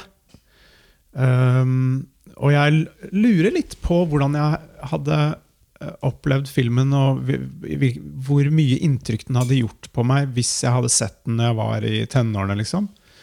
Akkurat som uh, Uten sammenligning for øvrig husker jeg veldig godt at jeg så uh, Fucking Åmål. Eh, som det, det, er, ikke nødvendigvis eh, så mange likheter, men altså hvis, man, hvis man ser det som en film om utenforskap, da eh, Særlig når det gjelder hennes karakter, så er det jo en film om utenforskap og det å være annerledes, og også det å bli mobbet og, og finne, finne sin plass og aksept, få aksept for den man er og sånn. Uh, Jeg, fucking gjorde veldig inntrykk på meg. Jeg ble forelsket uh, avstandsforelsket i hovedkarakteren og jeg tenkte på den filmen lenge etterpå. Og så når jeg så Psycho Bitch, så tenkte jeg sånn Hvordan hadde det vært for meg å se den filmen da jeg var ung? da? Uh, så det er akkurat som det føles som min opplevelse av den filmen nå ikke er så relevant. Og, og, da, og jeg ble kanskje litt opphengt i noen innvendinger jeg har på filmen. fordi at selv om den er veldig sjarmerende, den scorer veldig høyt på skjerm, og den er godt spilt av filmens to uh, hoved, hovedkarakterer, um, så syns jeg filmen er oppsiktsvekkende um, forutsigbar og, og litt for konvensjonell for min smak. da. Jeg føler at jeg sitter og, og vet hva som skal skje. Uh, sånn at uh, jeg, skulle kanskje ønsket at filmen overrasket meg litt mer. Jeg vet ikke hva dere tenker om det. Mm, nei, jeg ble sittende egentlig og tenke akkurat det samme da jeg så den. Sånn, ok, Hvordan ville jeg reagert på denne for liksom, ja, 15 år siden? da? Og hadde, eh, altså Fucking Åmål er jo også mitt liksom, virkelig referansepunkt, både når det kommer til ungdomsfilm, men også film generelt. Altså Jeg så den sikkert 100 ganger og kunne alle replikkene. Og var helt oppslukt. da. Eh, og, og det jeg kjente da jeg så Psycho Bitch, var at jo, men gjorde noe med meg liksom, følelsesmessig. Da, og det skal den ha. Jeg vet ikke akkurat hva det var, men jeg tror kanskje at det har noe med de hovedkarakterene å gjøre, eller hovedrolleinnehaverne eventuelt. Særlig han gutten, som jeg syns var veldig god, og som kanskje rørte meg ekstra fordi jeg har brødre i den alderen selv, og liksom så dem i, i han. Da. Eh, så det er åpenbart liksom blitt gjort noe riktig når det kommer til casting, og også instruksjon. Um, samtidig så syns jeg filmen også er liksom håndverksmessig bare liksom ikke så veldig altså Den er ikke så veldig vellaget. da. Uh, og den pøser på med popmusikk, og det funker hvis man har liksom anlegg for å la seg rive med og den slags. Uh, men det er også veldig Det føles litt uh, lettkjøpt, fordi det gønnes på i nesten liksom hver scene. da. og det tror jeg kanskje med hell at man kunne ha porsjonert litt ut og heller turt å liksom være litt i Skrive scenene ut, da, for scenene er veldig korte, og ting skjer veldig raskt. Vi får liksom ikke egentlig bli kjent med disse personene. Og det er liksom Den føles litt rastløs, hele, hele filmen. Uh, og et annet aspekt, som sikkert er altfor gammel til å egentlig kunne bedømme, er at jeg syns den var veldig barnslig. Og kanskje er det det fine, at, som du sier, at ja, de er fremdeles barn, og de skal få lov til å være barn. Samtidig så tenker jeg at uh, jeg fikk en litt sånn følelse at her er en voksen person som har glemt litt hvordan det var å være 15-16, fordi den liksom er for Hvor, hvor gammel er Martin Lund, egentlig? Nei. Det er ikke han som har skrevet den? eller? Jo, han har skrevet den også. Er han 17 år? Nei, jeg, Nei. jeg tror han eh, er sånn rundt uh, altså mellom 35 og 40 et eller annet sted. Okay. Uh, bare, Jeg har lyst til å si navnet på han som spiller Marius. Jonas Tidemann. Ja. Fordi han er et åpenbart talent. Mm. Absolutt. Han evner virkelig å lage en Altså, han går utover de Altså Det er ikke sånn at jeg tenker at alle replikkene han har fått servert, rommer en oppriktig innsikt. Men jeg syns at han gir uttrykk for det. Da. Mm. Uh, jeg syns det var veldig urettferdig at han Jon Ranes fra Ute og stjele hester ble nominert Eh, til Amanda for beste mannlige hovedrolle, og ikke han. Hvis, det, hvis, man tenkte at man skulle ha en, en, en ung, en ny skuespiller da, eh, i den kategorien, så syns jeg det ville vært mye For meg ville det vært mye riktigere å velge han. Men det er kanskje sånn at kvaliteten ligger litt i kjemien mellom han og hun som heter Rhiannon, som er min ja. favoritt uh, Fleetwood Mac-låt. Jeg kaller henne bare for Rhiannon. ja. um, at det er liksom Det er en uh, det er det relasjonelle med Håp. Hun som er veldig god i Håp, og kanskje enda mer det er enda mer glitrende kanskje det hun gjør i Håp. Selv om mm. den karakteren her i Bitch er litt mer sånn Litt mer kantete. Ja, mer kantete karakter. Ja. Men, eh, men, det er liksom eh, kjemien de klarer å skape sammen, som er, eh, som er verdt kanskje en Amanda-nominasjon her.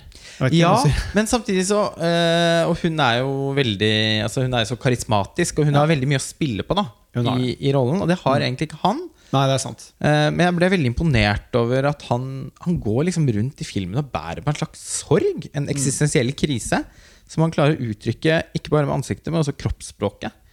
Uh, jeg liker f.eks. utrolig godt den scenen uh, hvor Jeg har problemer med at selvmord er et motiv i filmen, for det syns jeg ikke er ordentlig behandlet.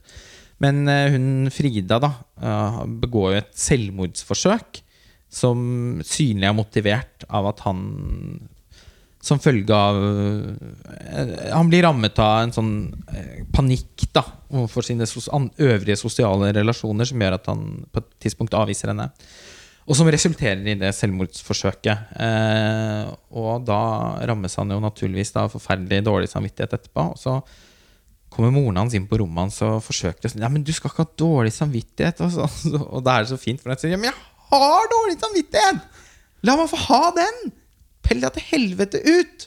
Det er en skikkelig fin scene, og det er bra spilt av han. Ble, eh, og også en kvalitet ved Psycho Bitch eh, som eh, har noe med å gjøre med det du sa, Roskva. Det er at eh, veldig ofte så er det jo sånn at ungdomsfilmer blir jo ikke sett av ungdom. I hvert fall ikke norsk ungdomsfilm. De blir sett av litt eldre barn. Og 'Psychobitch' er litt en barnefilm mer enn en ungdomsfilm. Ja. Men den er også da ganske fint eh, skulpturert for den, det som er den faktiske målgruppen. Fordi eh, 14-15-16-åringene De beveger seg oppover. Altså, Tenk tilbake hvilke filmer du så i den alderen. Da var det The Shining og Nattsvermeren og Seven. Og da Vi badet jo i blod, husker jeg, i mine kretser. Eh, ellers så var det mer utfordrende fremstillinger av eh, noen som i og for seg da var nærere i alder. Som typ liksom Euphoria til HBO ville for eksempel sannsynligvis vært en kjempehit. da og så har vi crossover-filmer som fucking Åmål. Men det er også en av verdens beste filmer.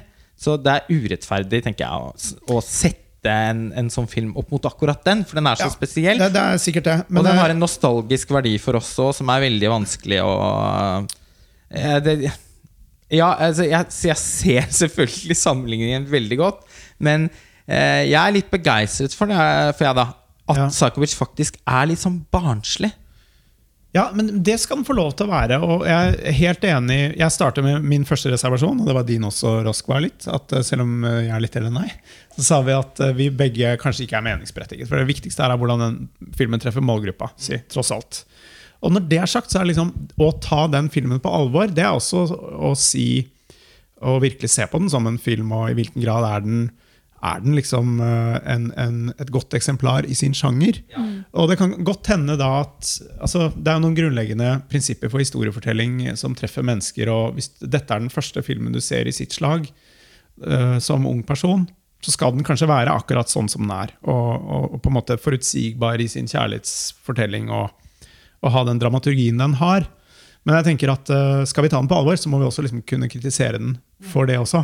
Fordi at det er en film som, som handler litt om det å være ukonvensjonell og det å være seg selv og individuell. Og, og den handler om utenforskap. Og da er det litt ironisk synes jeg, at den er såpass oppskriftsmessig og konvensjonell. Ja. Og den er også litt sånn, Det du nevnte, som jeg også hang meg litt opp i, men jeg turte nesten ikke å si det av frykt for å fremstå som en sånn uh, gammel, skrukkete Det er det der, den bruken av popmusikk som jeg føler det har gått inflasjon i, særlig etter Skam og sånn. At man bruker eh, eh, musikk på den måten som en sånn uh, liten Særlig sånn- Sigrid, da, i dette tilfellet. ja, altså en liten sånn pause fra fortellingen. Uh, Det kan man godt gjøre. Noen ganger er det kult. Her opplever jeg det som en sånn fyllstoff, fordi man ikke helt har mer kjøtt på beinet i hovedhistorien. Det blir akkurat litt for mye av det. Ja, jeg er enig.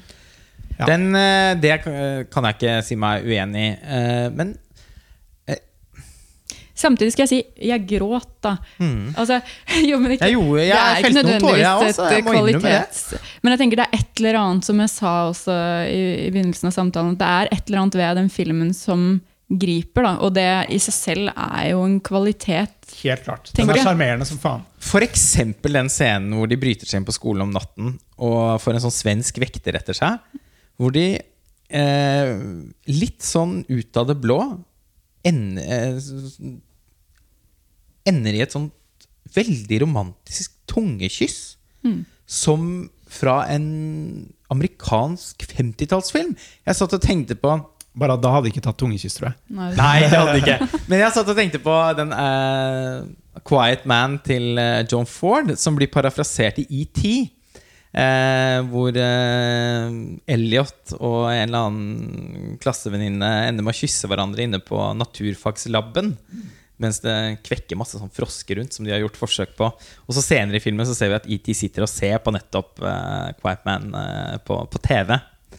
Eh, og det, det, er, det, er, det er ikke så ofte jeg ser heller et sånt øyeblikk i en norsk film, da, hvor man tør å liksom la det blåse opp litt i storm. Eh, jeg syns det var et ganske autentisk, romantisk øyeblikk, men likevel så utilslørt filmatisk eh, iscenesatt. Mm.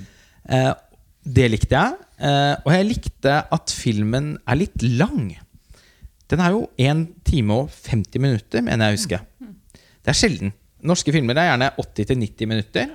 Og i alle fall filmer eh, som da forsøksvis er tilpassa til en sånn målgruppe, som man tenker at har et eh, kort attention span, som det heter.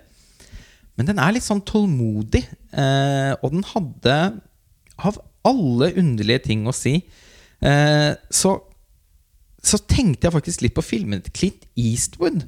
Det er noe med okay. Er noe med strengheten i formspråket der òg. Altså måten filmen er fotografert på, i veldig sånn dystre vintertoner. Eh, Det er mange ganske sånn lange, statiske tagninger på avstand. Det er et enkelt filmspråk, men som jeg likevel syns var ganske uttrykksfullt. Eh, og, og filmen hadde en tålmodighet noen ganger som jeg etterlyser, da. I, i, ikke bare norske filmer for barn og ungdom, men for voksne også. Nei, jeg husket ikke at den var så lang. Eh, men eh, Nei, det, dette er interessant. Jeg tror det hadde Kanskje sitter det noen mennesker om 20-25 år i en podkast og drømmer seg tilbake til første gang de så Psycho Bitch. Ja. Det, det er det som på en måte er Dette er en år, kanskje en årgangsvin for, for sitt publikum. Uh, men, men tiden vil vise. Jeg føler at det er vanskelig Og det er det ingen av oss en som, endelig eh, dom, eh, Og vi er kanskje ikke målgruppen uansett. Nei, det er vi jo ikke. Nå, enda mer nostalgi, da. Men tenk på sånn bare skyene beveger stjernen og sånn. Hvis mm, man skal til tenke Torun Lian. Ja, altså det, Nå har jeg ikke sett den Eller heller. ikke naken til Torunn Lian. I og for seg en film den har veldig mye tilfreds med. Ja, Øh, den vet jeg ikke om jeg har sett. Men jeg husker den bare skyene beveger stjernene. Altså, for det er, noe med, det er noe med filmskapningen. Altså, det føles som om det er gjort på veldig kort tid. Eller så, sånn Historiefortellingen henger ikke på greip. Og det kan hende du har rett at om 20 år så sitter man og Men jeg tviler. Jeg tviler på at det, det kommer til å skje, og det tror jeg handler om rett og slett håndverket i denne filmen. Ja, og Martin Lund har ikke, altså fra før av har ikke han vært noen jeg har tenkt på som noen sånn potensielt veldig interessant filmskaper. Jeg hadde veldig store problemer med debutfilmen hans, 'Mer eller mindre mann'. Ja, den har jeg ikke sett. Var det den med Henrik Rafaelsen? Ja, Ja, den har jeg ikke sett. nei, den uh, Den, den syns jeg var uh, tanketom. Eh, jo, men jeg, jeg synes det, jeg, Den var rett og slett ganske provosert over. Det Den hadde, det var en film som forsøkte å problematisere maskulinitet Ja, på en måte som jeg syns bare var veldig fjolte. Og eksamensfilmen Martin Lund lagde ved Filmskolen på Lillehammer òg, syns jeg var veldig svak, husker jeg. Så um, Jeg det, det, er ikke, det er ikke sånn at jeg har sittet og ventet på at han Og kanskje var det også et, eh, et element som slo til. Eh, for min del, da. At jeg ble veldig positivt overrasket. Mm. Jeg synes også det er flere Du nevner den scenen med moren som blir kastet ut av soverommet. Men jeg syns generelt at det blikket på foreldregenerasjonen er ganske Det kjøper jeg. Mm. Det er bl.a. en scene hvor hovedpersonen kommer hjem og skal vise fram engelskferdighetene sine.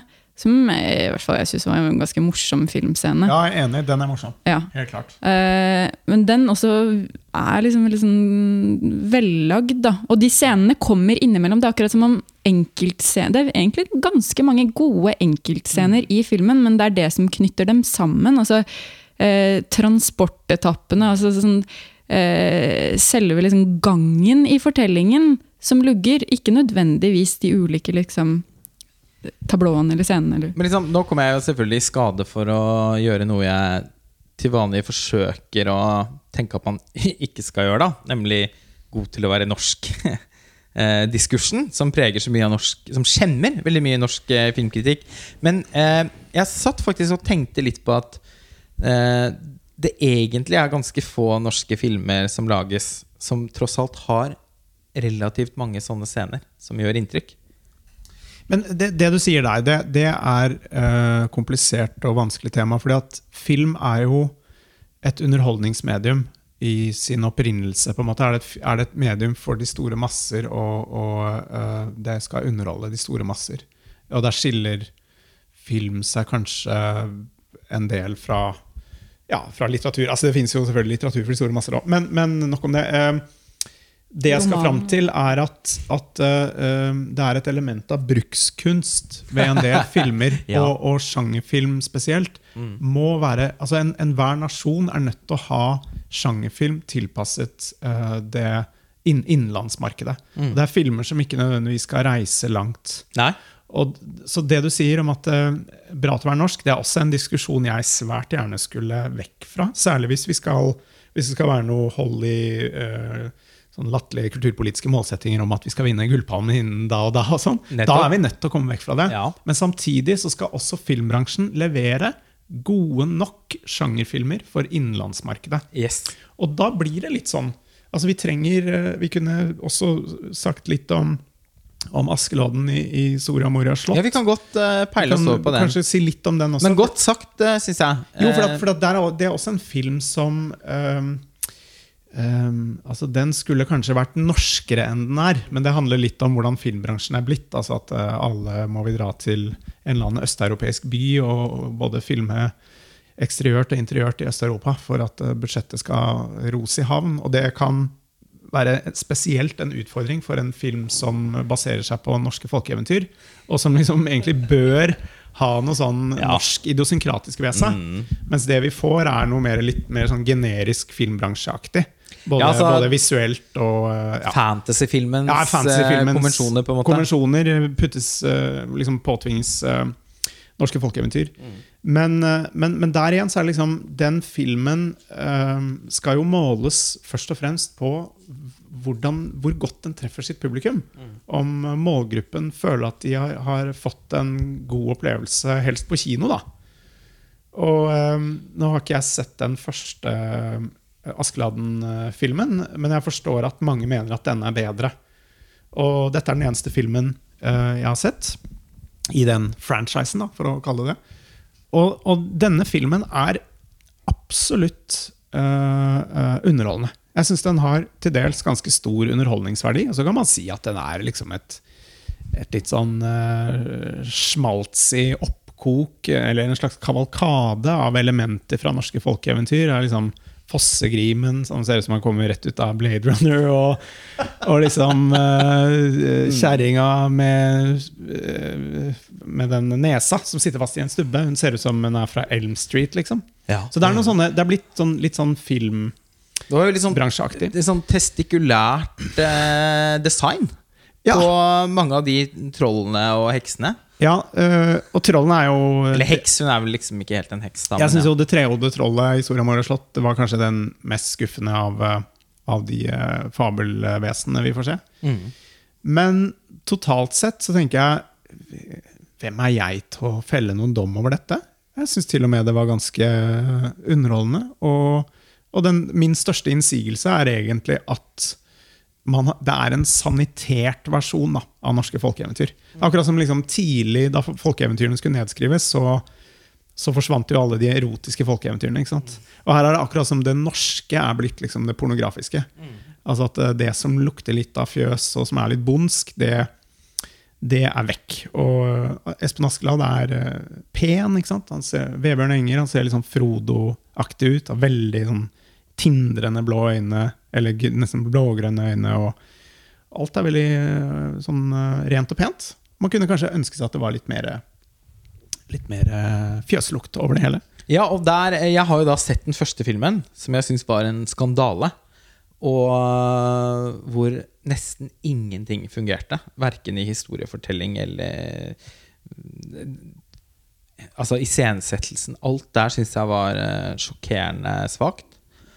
Men den hadde én scene eh, med noen huldrer som var urovekkende. Eh, den var litt sånn Peter Jackson-aktig.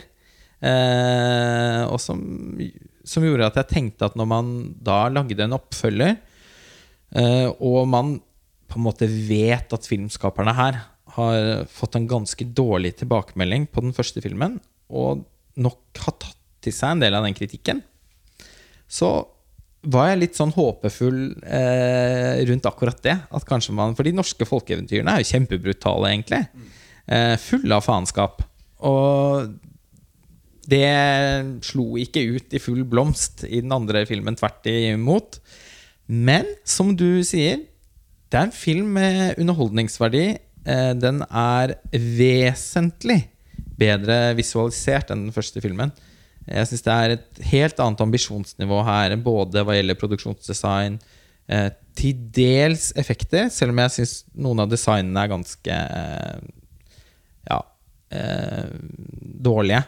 Så syns jeg produksjonsdesign og foto, ikke minst, var veldig mye sånn eh, eventyr Altså, det, det skapte en helt annen eventyrfølelse enn i den første filmen. Og kjemien mellom hun prinsesse Kristin, spilte Eili Harbo, og Askeladden var eh, mye mer til stede, syns jeg, i den andre filmen. Jeg følte at eh, det til en viss grad var mulig å engasjere seg i deres relasjon. da Hvordan den utviklet seg. Men så er det litt sånn Hvem er Espen Askeladd? ikke sant? Ja, hvem altså, er han? den, den karakteren der, det er også helt vekk. Han er han ikke er ingen- psykologisert i Nei, men. Jeg mener ikke at han skal være psykologisert. Men, men uh, hele den øh, Det han symboliserer i norsk kulturhistorie, da, i videste forstand, det er jo ikke noe som er ivaretatt. Det er jo ikke noe filmen er noe nysgjerrig på. Og jeg sier ikke at det er Nå, nå ser jeg dette med et sånn veldig voksent blikk. Men, uh, men det betyr jo ikke at det ikke er mulig å, å få frem litt mer av, av uh, det, genui, det som liksom er spesifikt og interessant med norske folkeeventyr. Da, og allikevel gjøre det til en, til en øh, underholdende film for, for målgruppen. Det hadde helt eh, klart vært mulig. Og eh, kanskje er det så enkelt som at eh, mange av de type produksjonene i Norge er litt sånn man føler at Hvorfor kan man ikke hyre inn mer spesialkunnskap?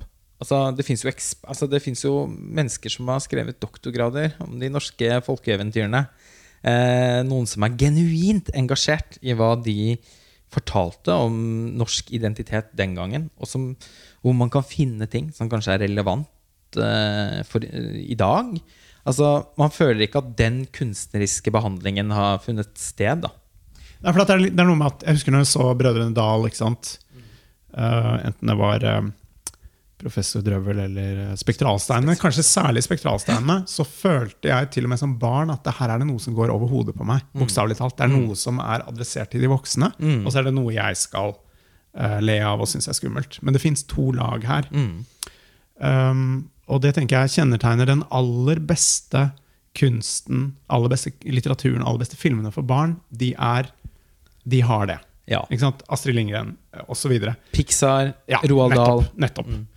Uh, og igjen, bra til å være norsk, hvis man virkelig skal ta dette på alvor. da, Nå er den filmen her bedre enn den første, og sånn, og hvis man virkelig skal ta det på alvor, så kan man si at her er det et betydelig forbedringspotensial. Det og det det. trenger ikke å svekke filmen eller gjøre den mindre tilgjengelig for, for uh, målgruppen. Nei, men altså Noe av det samme rammer jo den nye Snekker Andersen-filmen også. Snekker Andersen og julenissen, bygda som glemte at det var jul. Hvor man også har en eh, østeuropeisk studiohjul. som dessverre ikke er Altså Selv om barn som går og ser den filmen på kino, ikke vil ha noen innsigelser mot iscenesettelsen, så er det helt åpenbart når man er en voksen person, at dette her er, har veldig lite med Norge å gjøre. Og det er sitter underlig. glasshus, jeg sitter i glasshus, da, for vi sitter og eller i hvert fall Min kone er veldig opptatt av Tre nøtter til Askepott. ikke sant? Det er også en slags eh, østeuropeisk studiohjul. I aller høyeste grad. Eh, men, eh, men, men ikke sant som, som voksen så har man Så bringer man med seg nostalgi også, da, i møte med en sånn film. Og når den da ikke Når det ikke får noe næring, så kan man lett sitte igjen med en litt sånn blasert følelse. Som, for, som jeg gjorde da etter den nye Snekker Andersen og julenissen-filmen også. Selv om jeg eh, nå, i redelighetens navn da også må si at den filmen var også markant bedre enn den første. Som var en én-til-én, nesten remake av eh, NRK-versjonen. Som jo er ja, avfotograferte bildeboksider med en veldig trivelig fortellerstemme.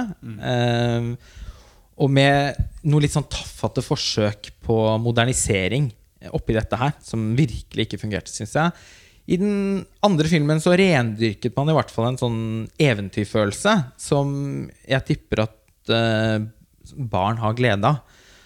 Men igjen så skal man ta de filmene på alvor, eh, hvilket man selvfølgelig skal.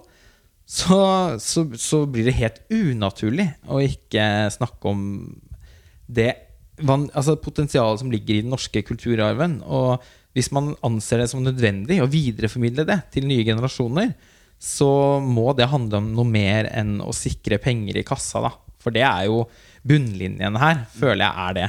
At de produksjonene i Norge veldig ofte ikke lages av De verken skrives eller regisseres av, av mennesker med en ordentlig kunstnerisk visjon. Det er litt sånn masseprodusert samlebåndsfilm. Og det er jo en type film jeg, f.eks. hvis den er amerikansk, ikke har noen som helst interesse av å engang se. Eh, så det blir jo av ren plikt at jeg går og ser de norske variasjonene over den diskursen. Og jeg har jo ikke noe mer positivt å si om dem egentlig enn de amerikanske eh, variantene. Men eh, apropos norsk eh, kulturhistorie. Amundsen, Anders. Ja. Den eh, har ikke Roskva sett. Men eh, du og jeg har eh, gitt oss i kast med den. Mm. Hva tenker du om, om den? tror- ja, I lys av de tingene vi har snakket om nå. Jo, det er noen ting å si om, om filmen i lys av det vi har snakket om. Jeg tror jeg bare skal kort disclaime at jeg var aktuell for den rollen på et tidspunkt. Eh, Men jeg har ikke noe sånn horn i siden til filmen for det. Og faktisk så var jeg positivt overrasket over Amundsen. Jeg synes eh, Det er jo en film som som ikke ligger noe skjul på at den er en slags eh, Hollywood-filmatisering av Amundsens liv. I hvert fall hovedlinjene i hans virke som, som polfarer. Eh, og der vil jeg si at filmen lykkes ganske godt. Det er to timer som eh, går ganske kjapt, og man føler at man får en innføring i, eh, i eh, hva han gjorde, hvor crazy mye av det han gjorde, var. Um, filmen er ganske så flott fotografert av Pål uh, Ulvik Rokseth. Og den er også imponerende spilt av, av Pål Sverre Hagen. Uh, de har eh, klart å få ham til å ligne veldig på Amundsen. Det man kanskje kunne kritisere der, eh, som er en sånn eh, Dels en kritikk til manuset, og kanskje en konstruktiv kritikk til Pål Sverres tolkning, er at jeg syns han er um, um, uh, Vi vet jo ikke helt hvem Amundsen var. Altså, vi har jo, har jo en del kilder, men, men jeg syns han kunne stått seg på å være litt mer man, Han kunne hatt litt mer dybde eller vært litt mer kompleks, på en måte. Jeg syns uh, Pål Sverre har gjort noen veldig modige valg. Han har prøvd å la, virkelig lage en, en litt stilisert karakter i måten han snakker på, og sånn, som er på, helt på grensen til å bli litt maniert. Men jeg syns det er, er eh, veldig kult at han gjør det, og, og, og i veldig mye av filmen fungerer det veldig bra. Men eh, han blir også en litt sånn eh,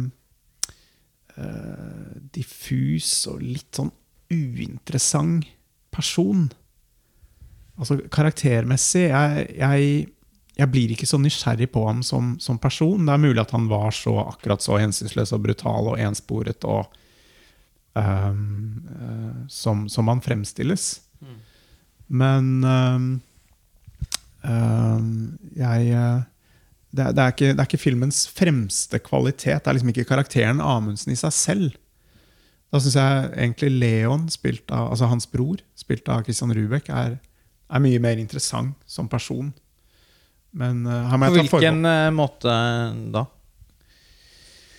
Nei, fordi, fordi uh, det, Her kan det godt hende at, at, dette er, at dette er helt historisk korrekt, at man har dekning for dette, men, men Leon er jo en eh, en eh, støttespiller til Amundsen i veldig mye av, hans profesjonelle virke. Og en, en mann som blir ganske brutalt avvist da, av, eh, av Amundsen. Og eh, det er hans eh, Det er på en måte hans Slik han, hus, han husker Amundsen, som er rammefortellingen eh, for filmen. Eh, så det kan ha litt med synsvinkelen å gjøre, at vi blir på en måte mer nysgjerrig på, på hans, eh, hans sorg da, i det der uoppgjorte brødreforholdet. Men, eh, men filmen er på en måte så opptatt av å vise liksom, liksom nasjonalromantiske actiontablåer og, og liksom, den er litt sånn Den skal gjerne imponere oss med hva man kan gjøre av, med CGI, bresprekker, og den, den er litt for bruker litt for mye tid på det. Så jeg skulle gjerne hatt uh, mer om brødreforholdet. Ja, for den er jo litt sånn fanget mellom to stoler. Den skal både være en adventure-film og uh, et karakterdrama uh, hvor både relasjonen mellom de to får noe plass, og hvor vi skal forsøke å liksom forstå Amundsen som en dyp narsissistisk person. Eh, som samtidig drives av en følelse av at han gjør de Altså han tar de valgene han gjør for the greater good. Det er hans overbevisning. Ja, da lurer jeg litt på hva er the greater good? Egentlig slik han definerer det. Det, får man, det er jo litt beklagelig da at filmen ikke gir oss en tydeligere innsikt i det. Men jeg får jo inntrykk av at han er opptatt av at eh, Altså, han jo Han har en nasjonalfølelse, som f.eks. Fridtjof Nansen, da. eh, som er en slags mentor for han, eh, ikke har helt på samme måte. Fordi han er opptatt av forskningen. Mens eh, Amundsen helt tydelig syns det er sekundært.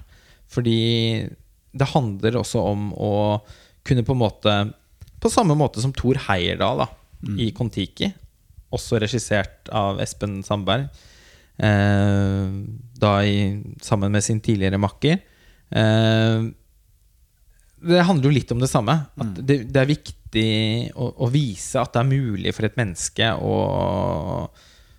å nå de målene da, som de setter seg. Og så kan man stille selvfølgelig betimelige spørsmålstegn ved det, men det er mitt inntrykk er jo at det er det som liksom driver han. Ja, jeg, jeg tror ikke, tror ikke du Jeg tror du har rett i det, og det er sikkert det som på en måte er eh, dokumentert også. Um, men det er, det er en film som, som er to timer lang, da. Uh, og den, på ett nivå er den som, litt som en sånn episode av The Crown er nå. At du får liksom en slags uh, uh, At du får en liten, en liten historietime. uten noe særlig det er ikke noe dypere tematisering. Det er ikke noe sånn spesielt eh, nødvendigvis noe veldig spennende karaktermessig som pågår. Det står og faller på det. Altså, og filmen er jo eh, spennende og underholdende. Det, det som jeg savner litt, eh, er altså Når man først går løs på en, en av en sånn stor norsk historisk figur, er at man virkelig vrenger den karakteren fra innsiden. Um, og prøver å snu alle stener uh, og gi et så komplett og rikt bilde som mulig av hvem han var. Uh, kanskje er det gjort her. For alt jeg vet, så kan det hende at uh, dette er alt vi vet om Amundsen. og det er ikke mer enn det, liksom. Uh, det er bare at uh, jeg um, um, er ikke så nysgjerrig på ham som karakter. Hvis det ikke er mer enn dette. Men Leon Amundsen er, blir mer fascinerende for deg. Vi må kanskje Ja, det- snakke litt om Christian ja. Rybek, da. Ja, Rubek, Christian Rubek uh, spiller jo rollen svært godt. Uh, jeg syns han uh, får veldig godt fram eh, eh, sorgen over å ha mistet en bror. Mm. Ikke, altså, de er jo hele tiden usikre på om han faktisk er død i, i, i tilbakeblikket. Men, eh, men han har jo hele veien mistet en bror pga. den avvisningen han har vært utsatt for. Mm. Altså pga. Amundsens avvisning, som kulminerer helt på slutten. Eh, hvor Amundsen er eh, kommet hjem etter den første flyvningen over eh, Nordpolen, tror jeg. Mm. Var, eh, hvor han eh, klarer å komme seg hjem. Og hvor han tror han skal gjenforenes med sin bror. Men hvor han blir avvist.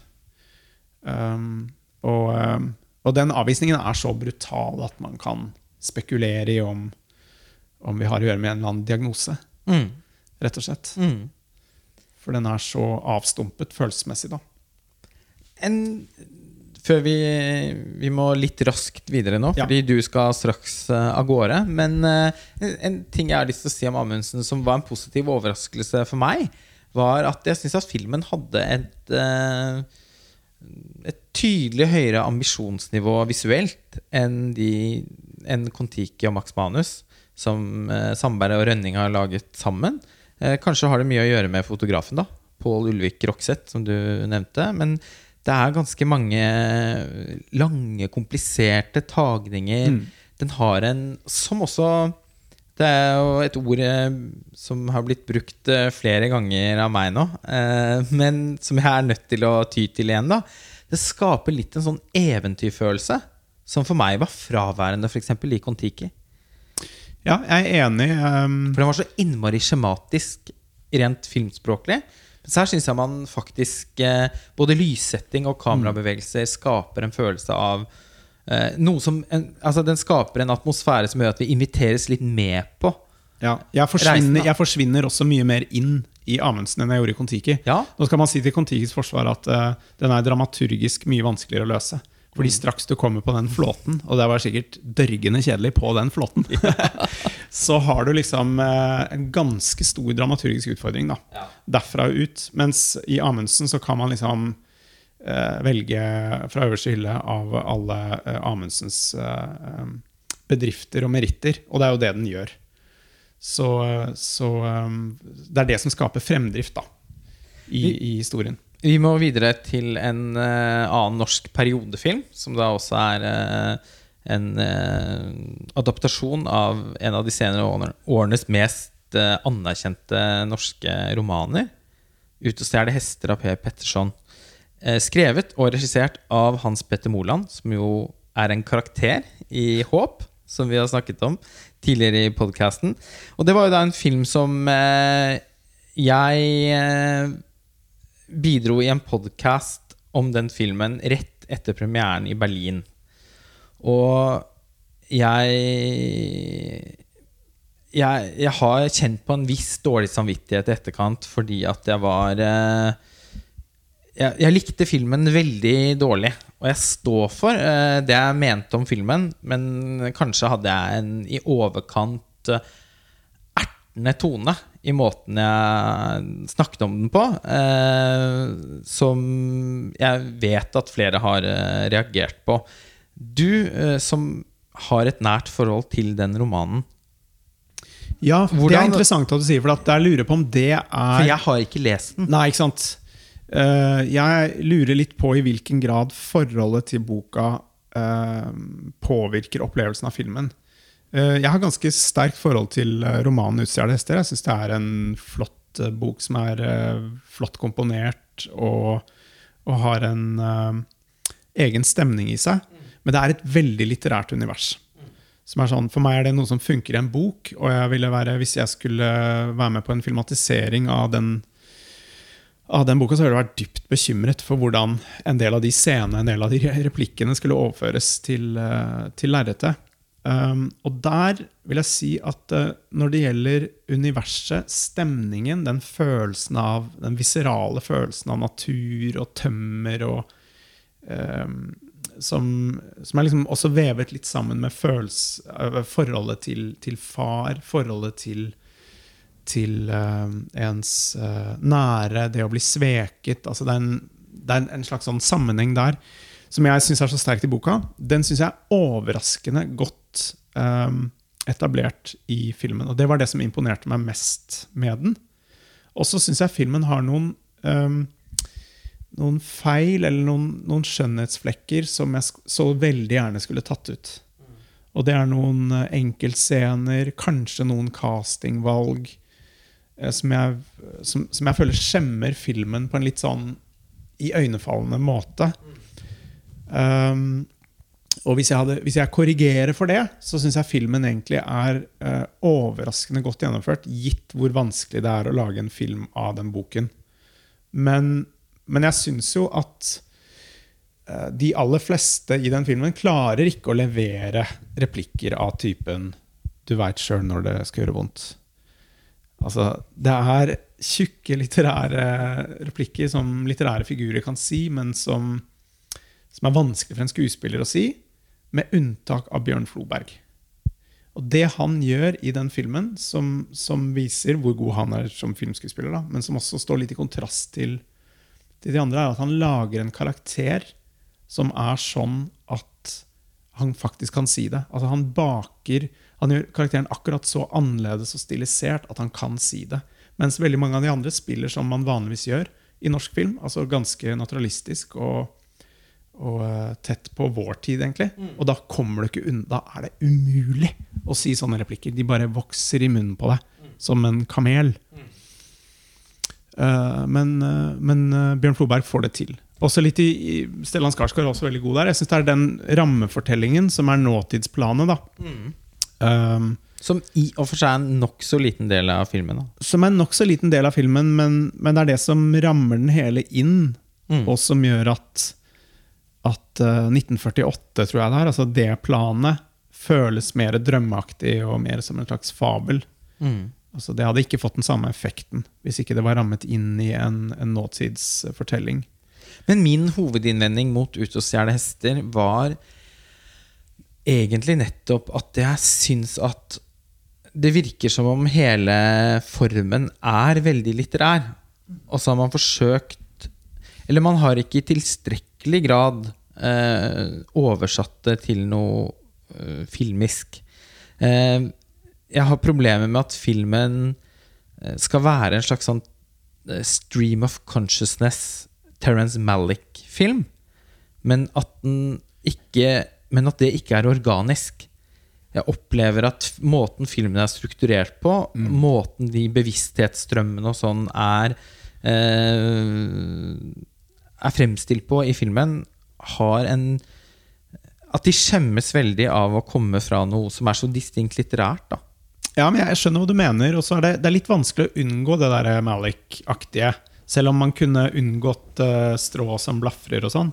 Det er mer liksom granbar og, Og bark. og bark, mm. og det er mer knyttet til trær. da. Mm. Og trær og elv og sånn. Og lukter.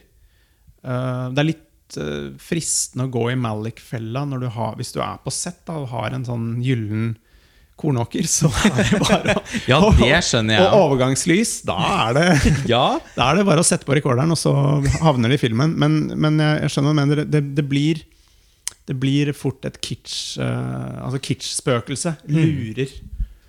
Ja. Eh, lurer i bakgrunnen. Og jeg tenker at hvis det var Hvis filmen skal være så distinkt naturpoetisk som den er, så er det helt vesentlig å gjøre noen kunstneriske valg som eh, Som tar vare på Altså, det nytter ikke bare med motivene. Det er på en måte Det er ikke nok. Jeg er helt enig, men det, jeg tror grunnen til at det svikter der, er at uh, grunntematikken i den boken, som er svik, er ikke tilstrekkelig, eh, tilstrekkelig ivaretatt. Og det handler uh, mye om at en del av nøkkelscenene i boken, altså manus og boken, har jo veldig mye til felles. Og det er en komplisert struktur med mange tidsplaner, og sånn, men, men noen av de nøkkelscenene som er så viktige i boken, er ikke helt vellykket i filmen. Så, da, så den er litt sånn tappet for, for uh, tematikken, og da står vi igjen med med, med naturen og tømmer og alt dette. Og det kan da oppleves litt som en ingrediens.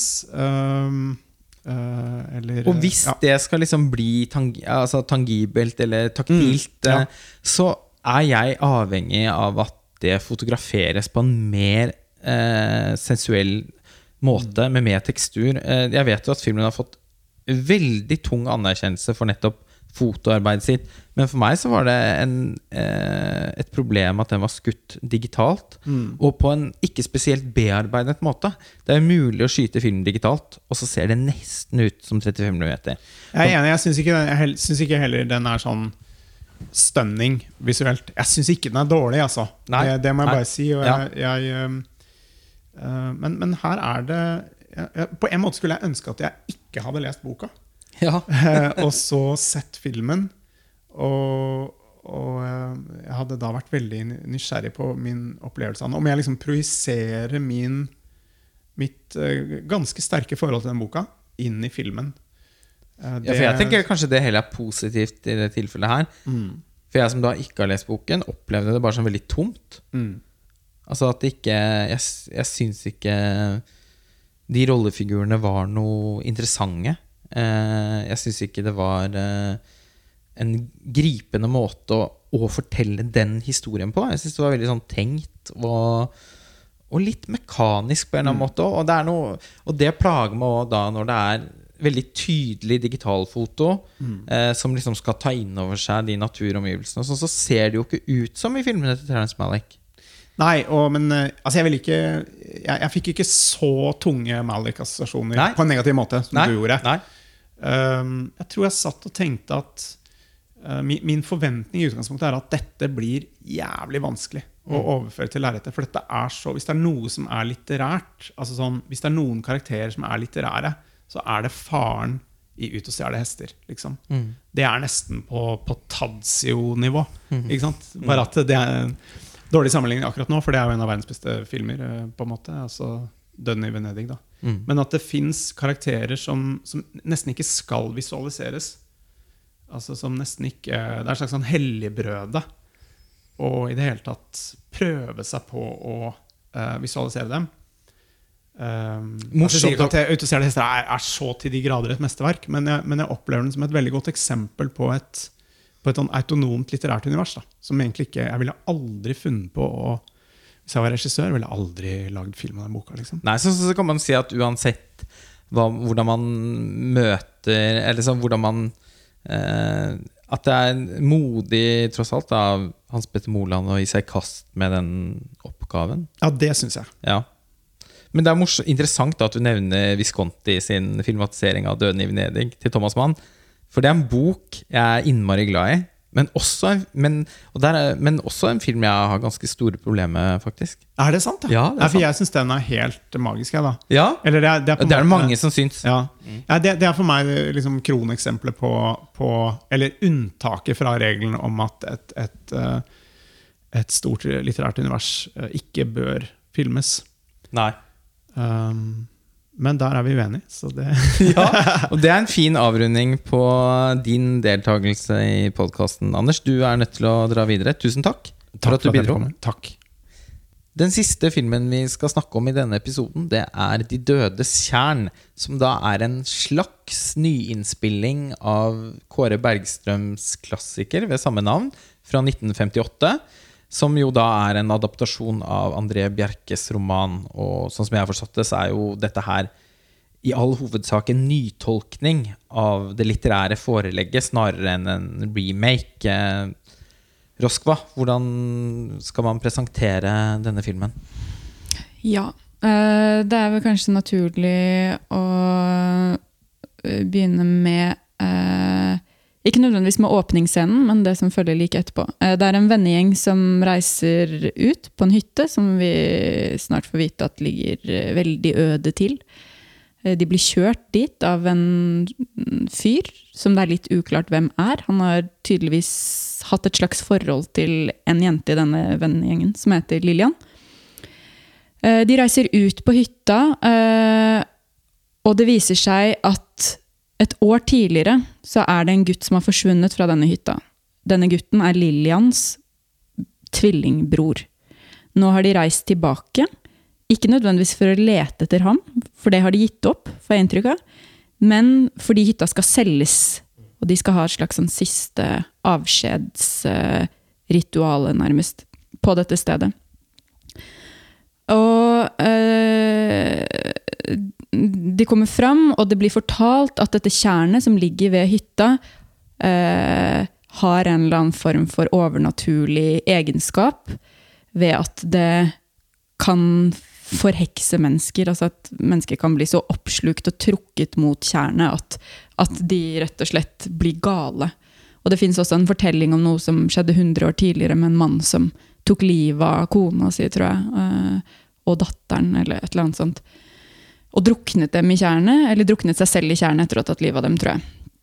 I hvert fall, dette er da uh, utgangspunktet. Um, som jo er veldig dramatisk. Altså, de har reist ut på en hytte fordi broren til en av personene i filmen har forsvunnet derfra et år før. Og hvor lite på en måte oppmerksomhet som vies til det faktum. Altså, det nevnes i en bisetning før man går over til å slå an litt dårlige spøker. Og, altså, ja, realismen i den fortellingen, det kan vi jo komme tilbake til. Eh, eh, den er haltende, for å si det mildt. Um, I hvert fall gradvis så begynner det å skje litt sånn uhyggelige, uforklarlige ting på denne hytta. Eh, en hund blir bundet på hender og føtter, holdt jeg på å si. Eh, Det dekkes opp til en frokost.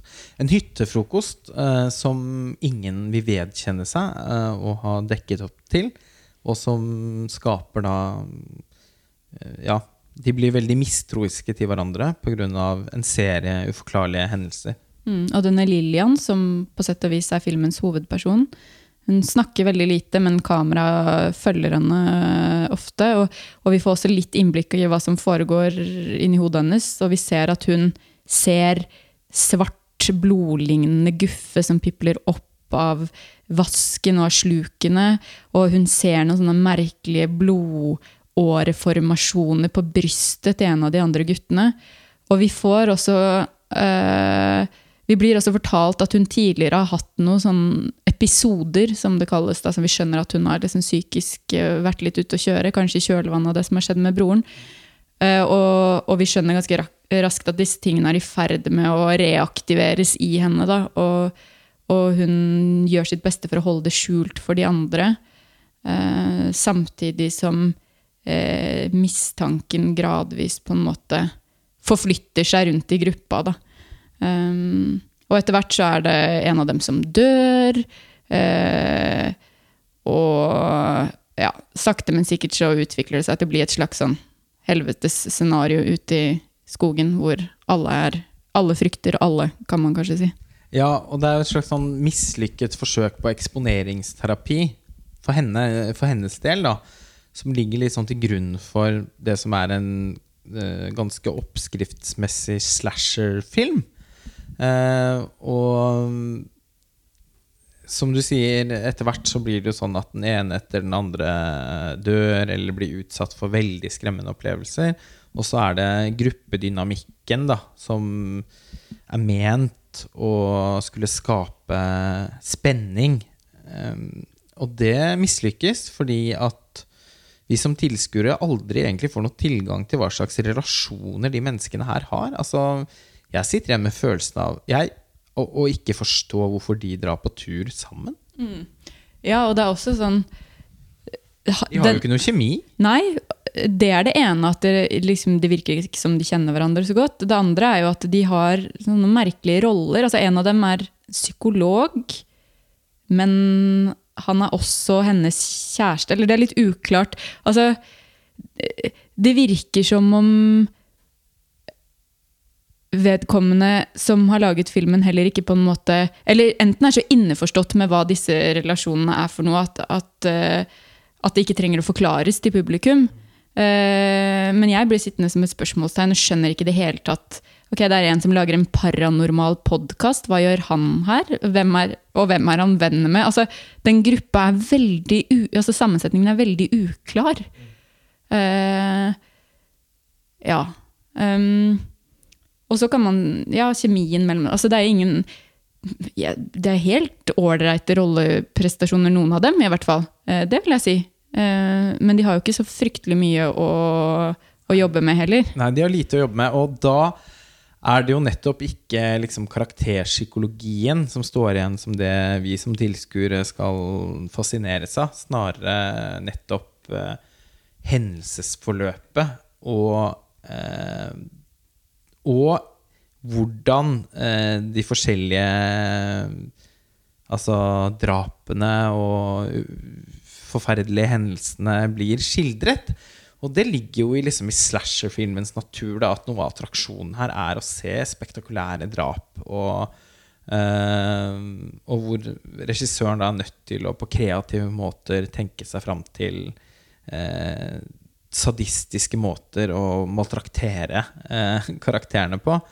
Og noe jeg tenker at skurrer litt ved det sånn rent sjangermessig, er jo nettopp den eh, J-horror-aktige, altså det japansk horror-aktige elementet med en sånn, eh, noe sånn svart tjærelignende masse som pipler opp fra vasker og ut av sluk og, og av og til andre steder òg, som hun Lillian, hovedkarakteren spilt av Iben Akeli, ser, som ikke noen av de andre ser. Hun ser jo også dette her eh, komme ut av brystet på, eh, på en av de andre i gjengen. Og Eh, og det er nok ment, da Eller åpenbart som en slags eh, gestaltning av hennes eh, irrasjonelle, angstfylte situasjon. Og at det er noe dårlig samvittighet som veller opp i henne. Det er denne historien med, med broren som ligger og spøker i bakgrunnen her. Men det eh, går ikke nødvendigvis så veldig godt sammen med den oppskriftsmessige slasher-narrativet som filmen ellers legger opp til. Så de to tingene spiller ikke helt sammen. Nei, og så er det også noe med eh, spillestil og altså Iben Akeli har åpenbart fått instruksjoner om å være ikke bare taus og betraktende, men også hun har også et blikk som gjør at hun er, liksom, ser nesten litt sånn dyreaktig ut og forskremt ut. Og så er denne nærmest litt sånn mm, ja, eventyraktige karakteren, da. eh, som ikke nødvendigvis er, spilt på en veldig sånn naturalistisk måte, men litt sånn litt karikert, men egentlig fint. da.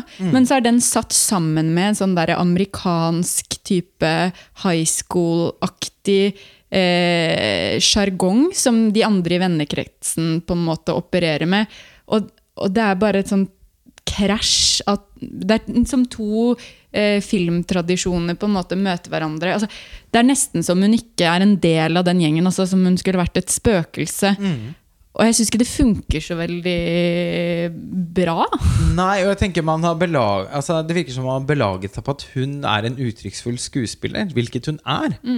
Men hun har ikke nok å jobbe med til å oversette de følelsene i klartekst for Nei. oss. Og det er ikke det at det trenger å være i klartekst, men man må, er nødt til å få en ganske tydelig fornemmelse av uh, hva uhyggen i filmen springer ut av. Og det syns, jeg syns ikke filmen lykkes med å tegne opp det, på tross av at den eh, mot slutten f.eks. gir oss noen I og for seg også litt sånn overforklarende tilbakeblikk og sånn, som skal eh, Som skal gi, på en måte til slutt gi oss eh, innsikten i hva som satte i gang bevegelsene her. Men, men det er ikke helt i tråd med alt det andre som skjer i filmen. Er det noe med tjernet som gjør at alle som er i nærheten av det, blir forhekset på en eller annen måte, eller begynner å oppføre seg irrasjonelt? Eh, og så får jo også det sin forklaring, som vi ikke trenger å det er unødvendig å røpe. Men det blir jo selvfølgelig også sånn at en av de i den gjengen har noe å gjøre med noen av de tingene som helt konkret skjer.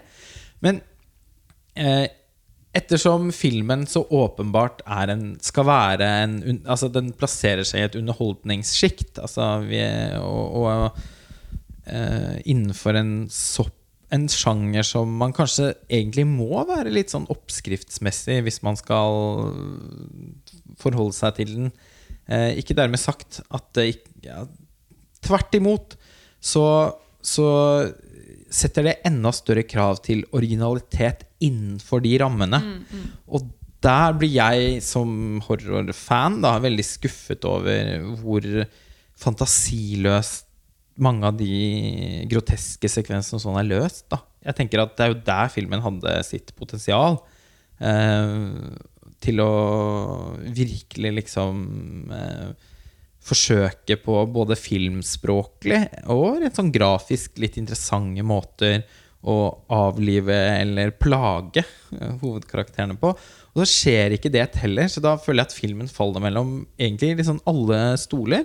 Den er ikke innsiktsfull nok i ho... Altså hva gjelder eh, en type psykologisk tilstand som hovedkarakteren er rammet av, eh, til å være gripende. Den er ikke en god nok skildring av relasjonene innad i en vennegjeng til å bli engasjerende på den måten.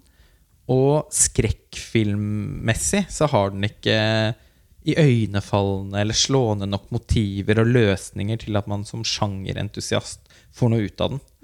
Så hvis jeg skal trekke fram én positiv ting ved filmen, så er det fotoet, som er eh, Det er vel så vidt jeg skjønner, den eneste norske kinofilmen i år som er skutt på film og ikke digitalt.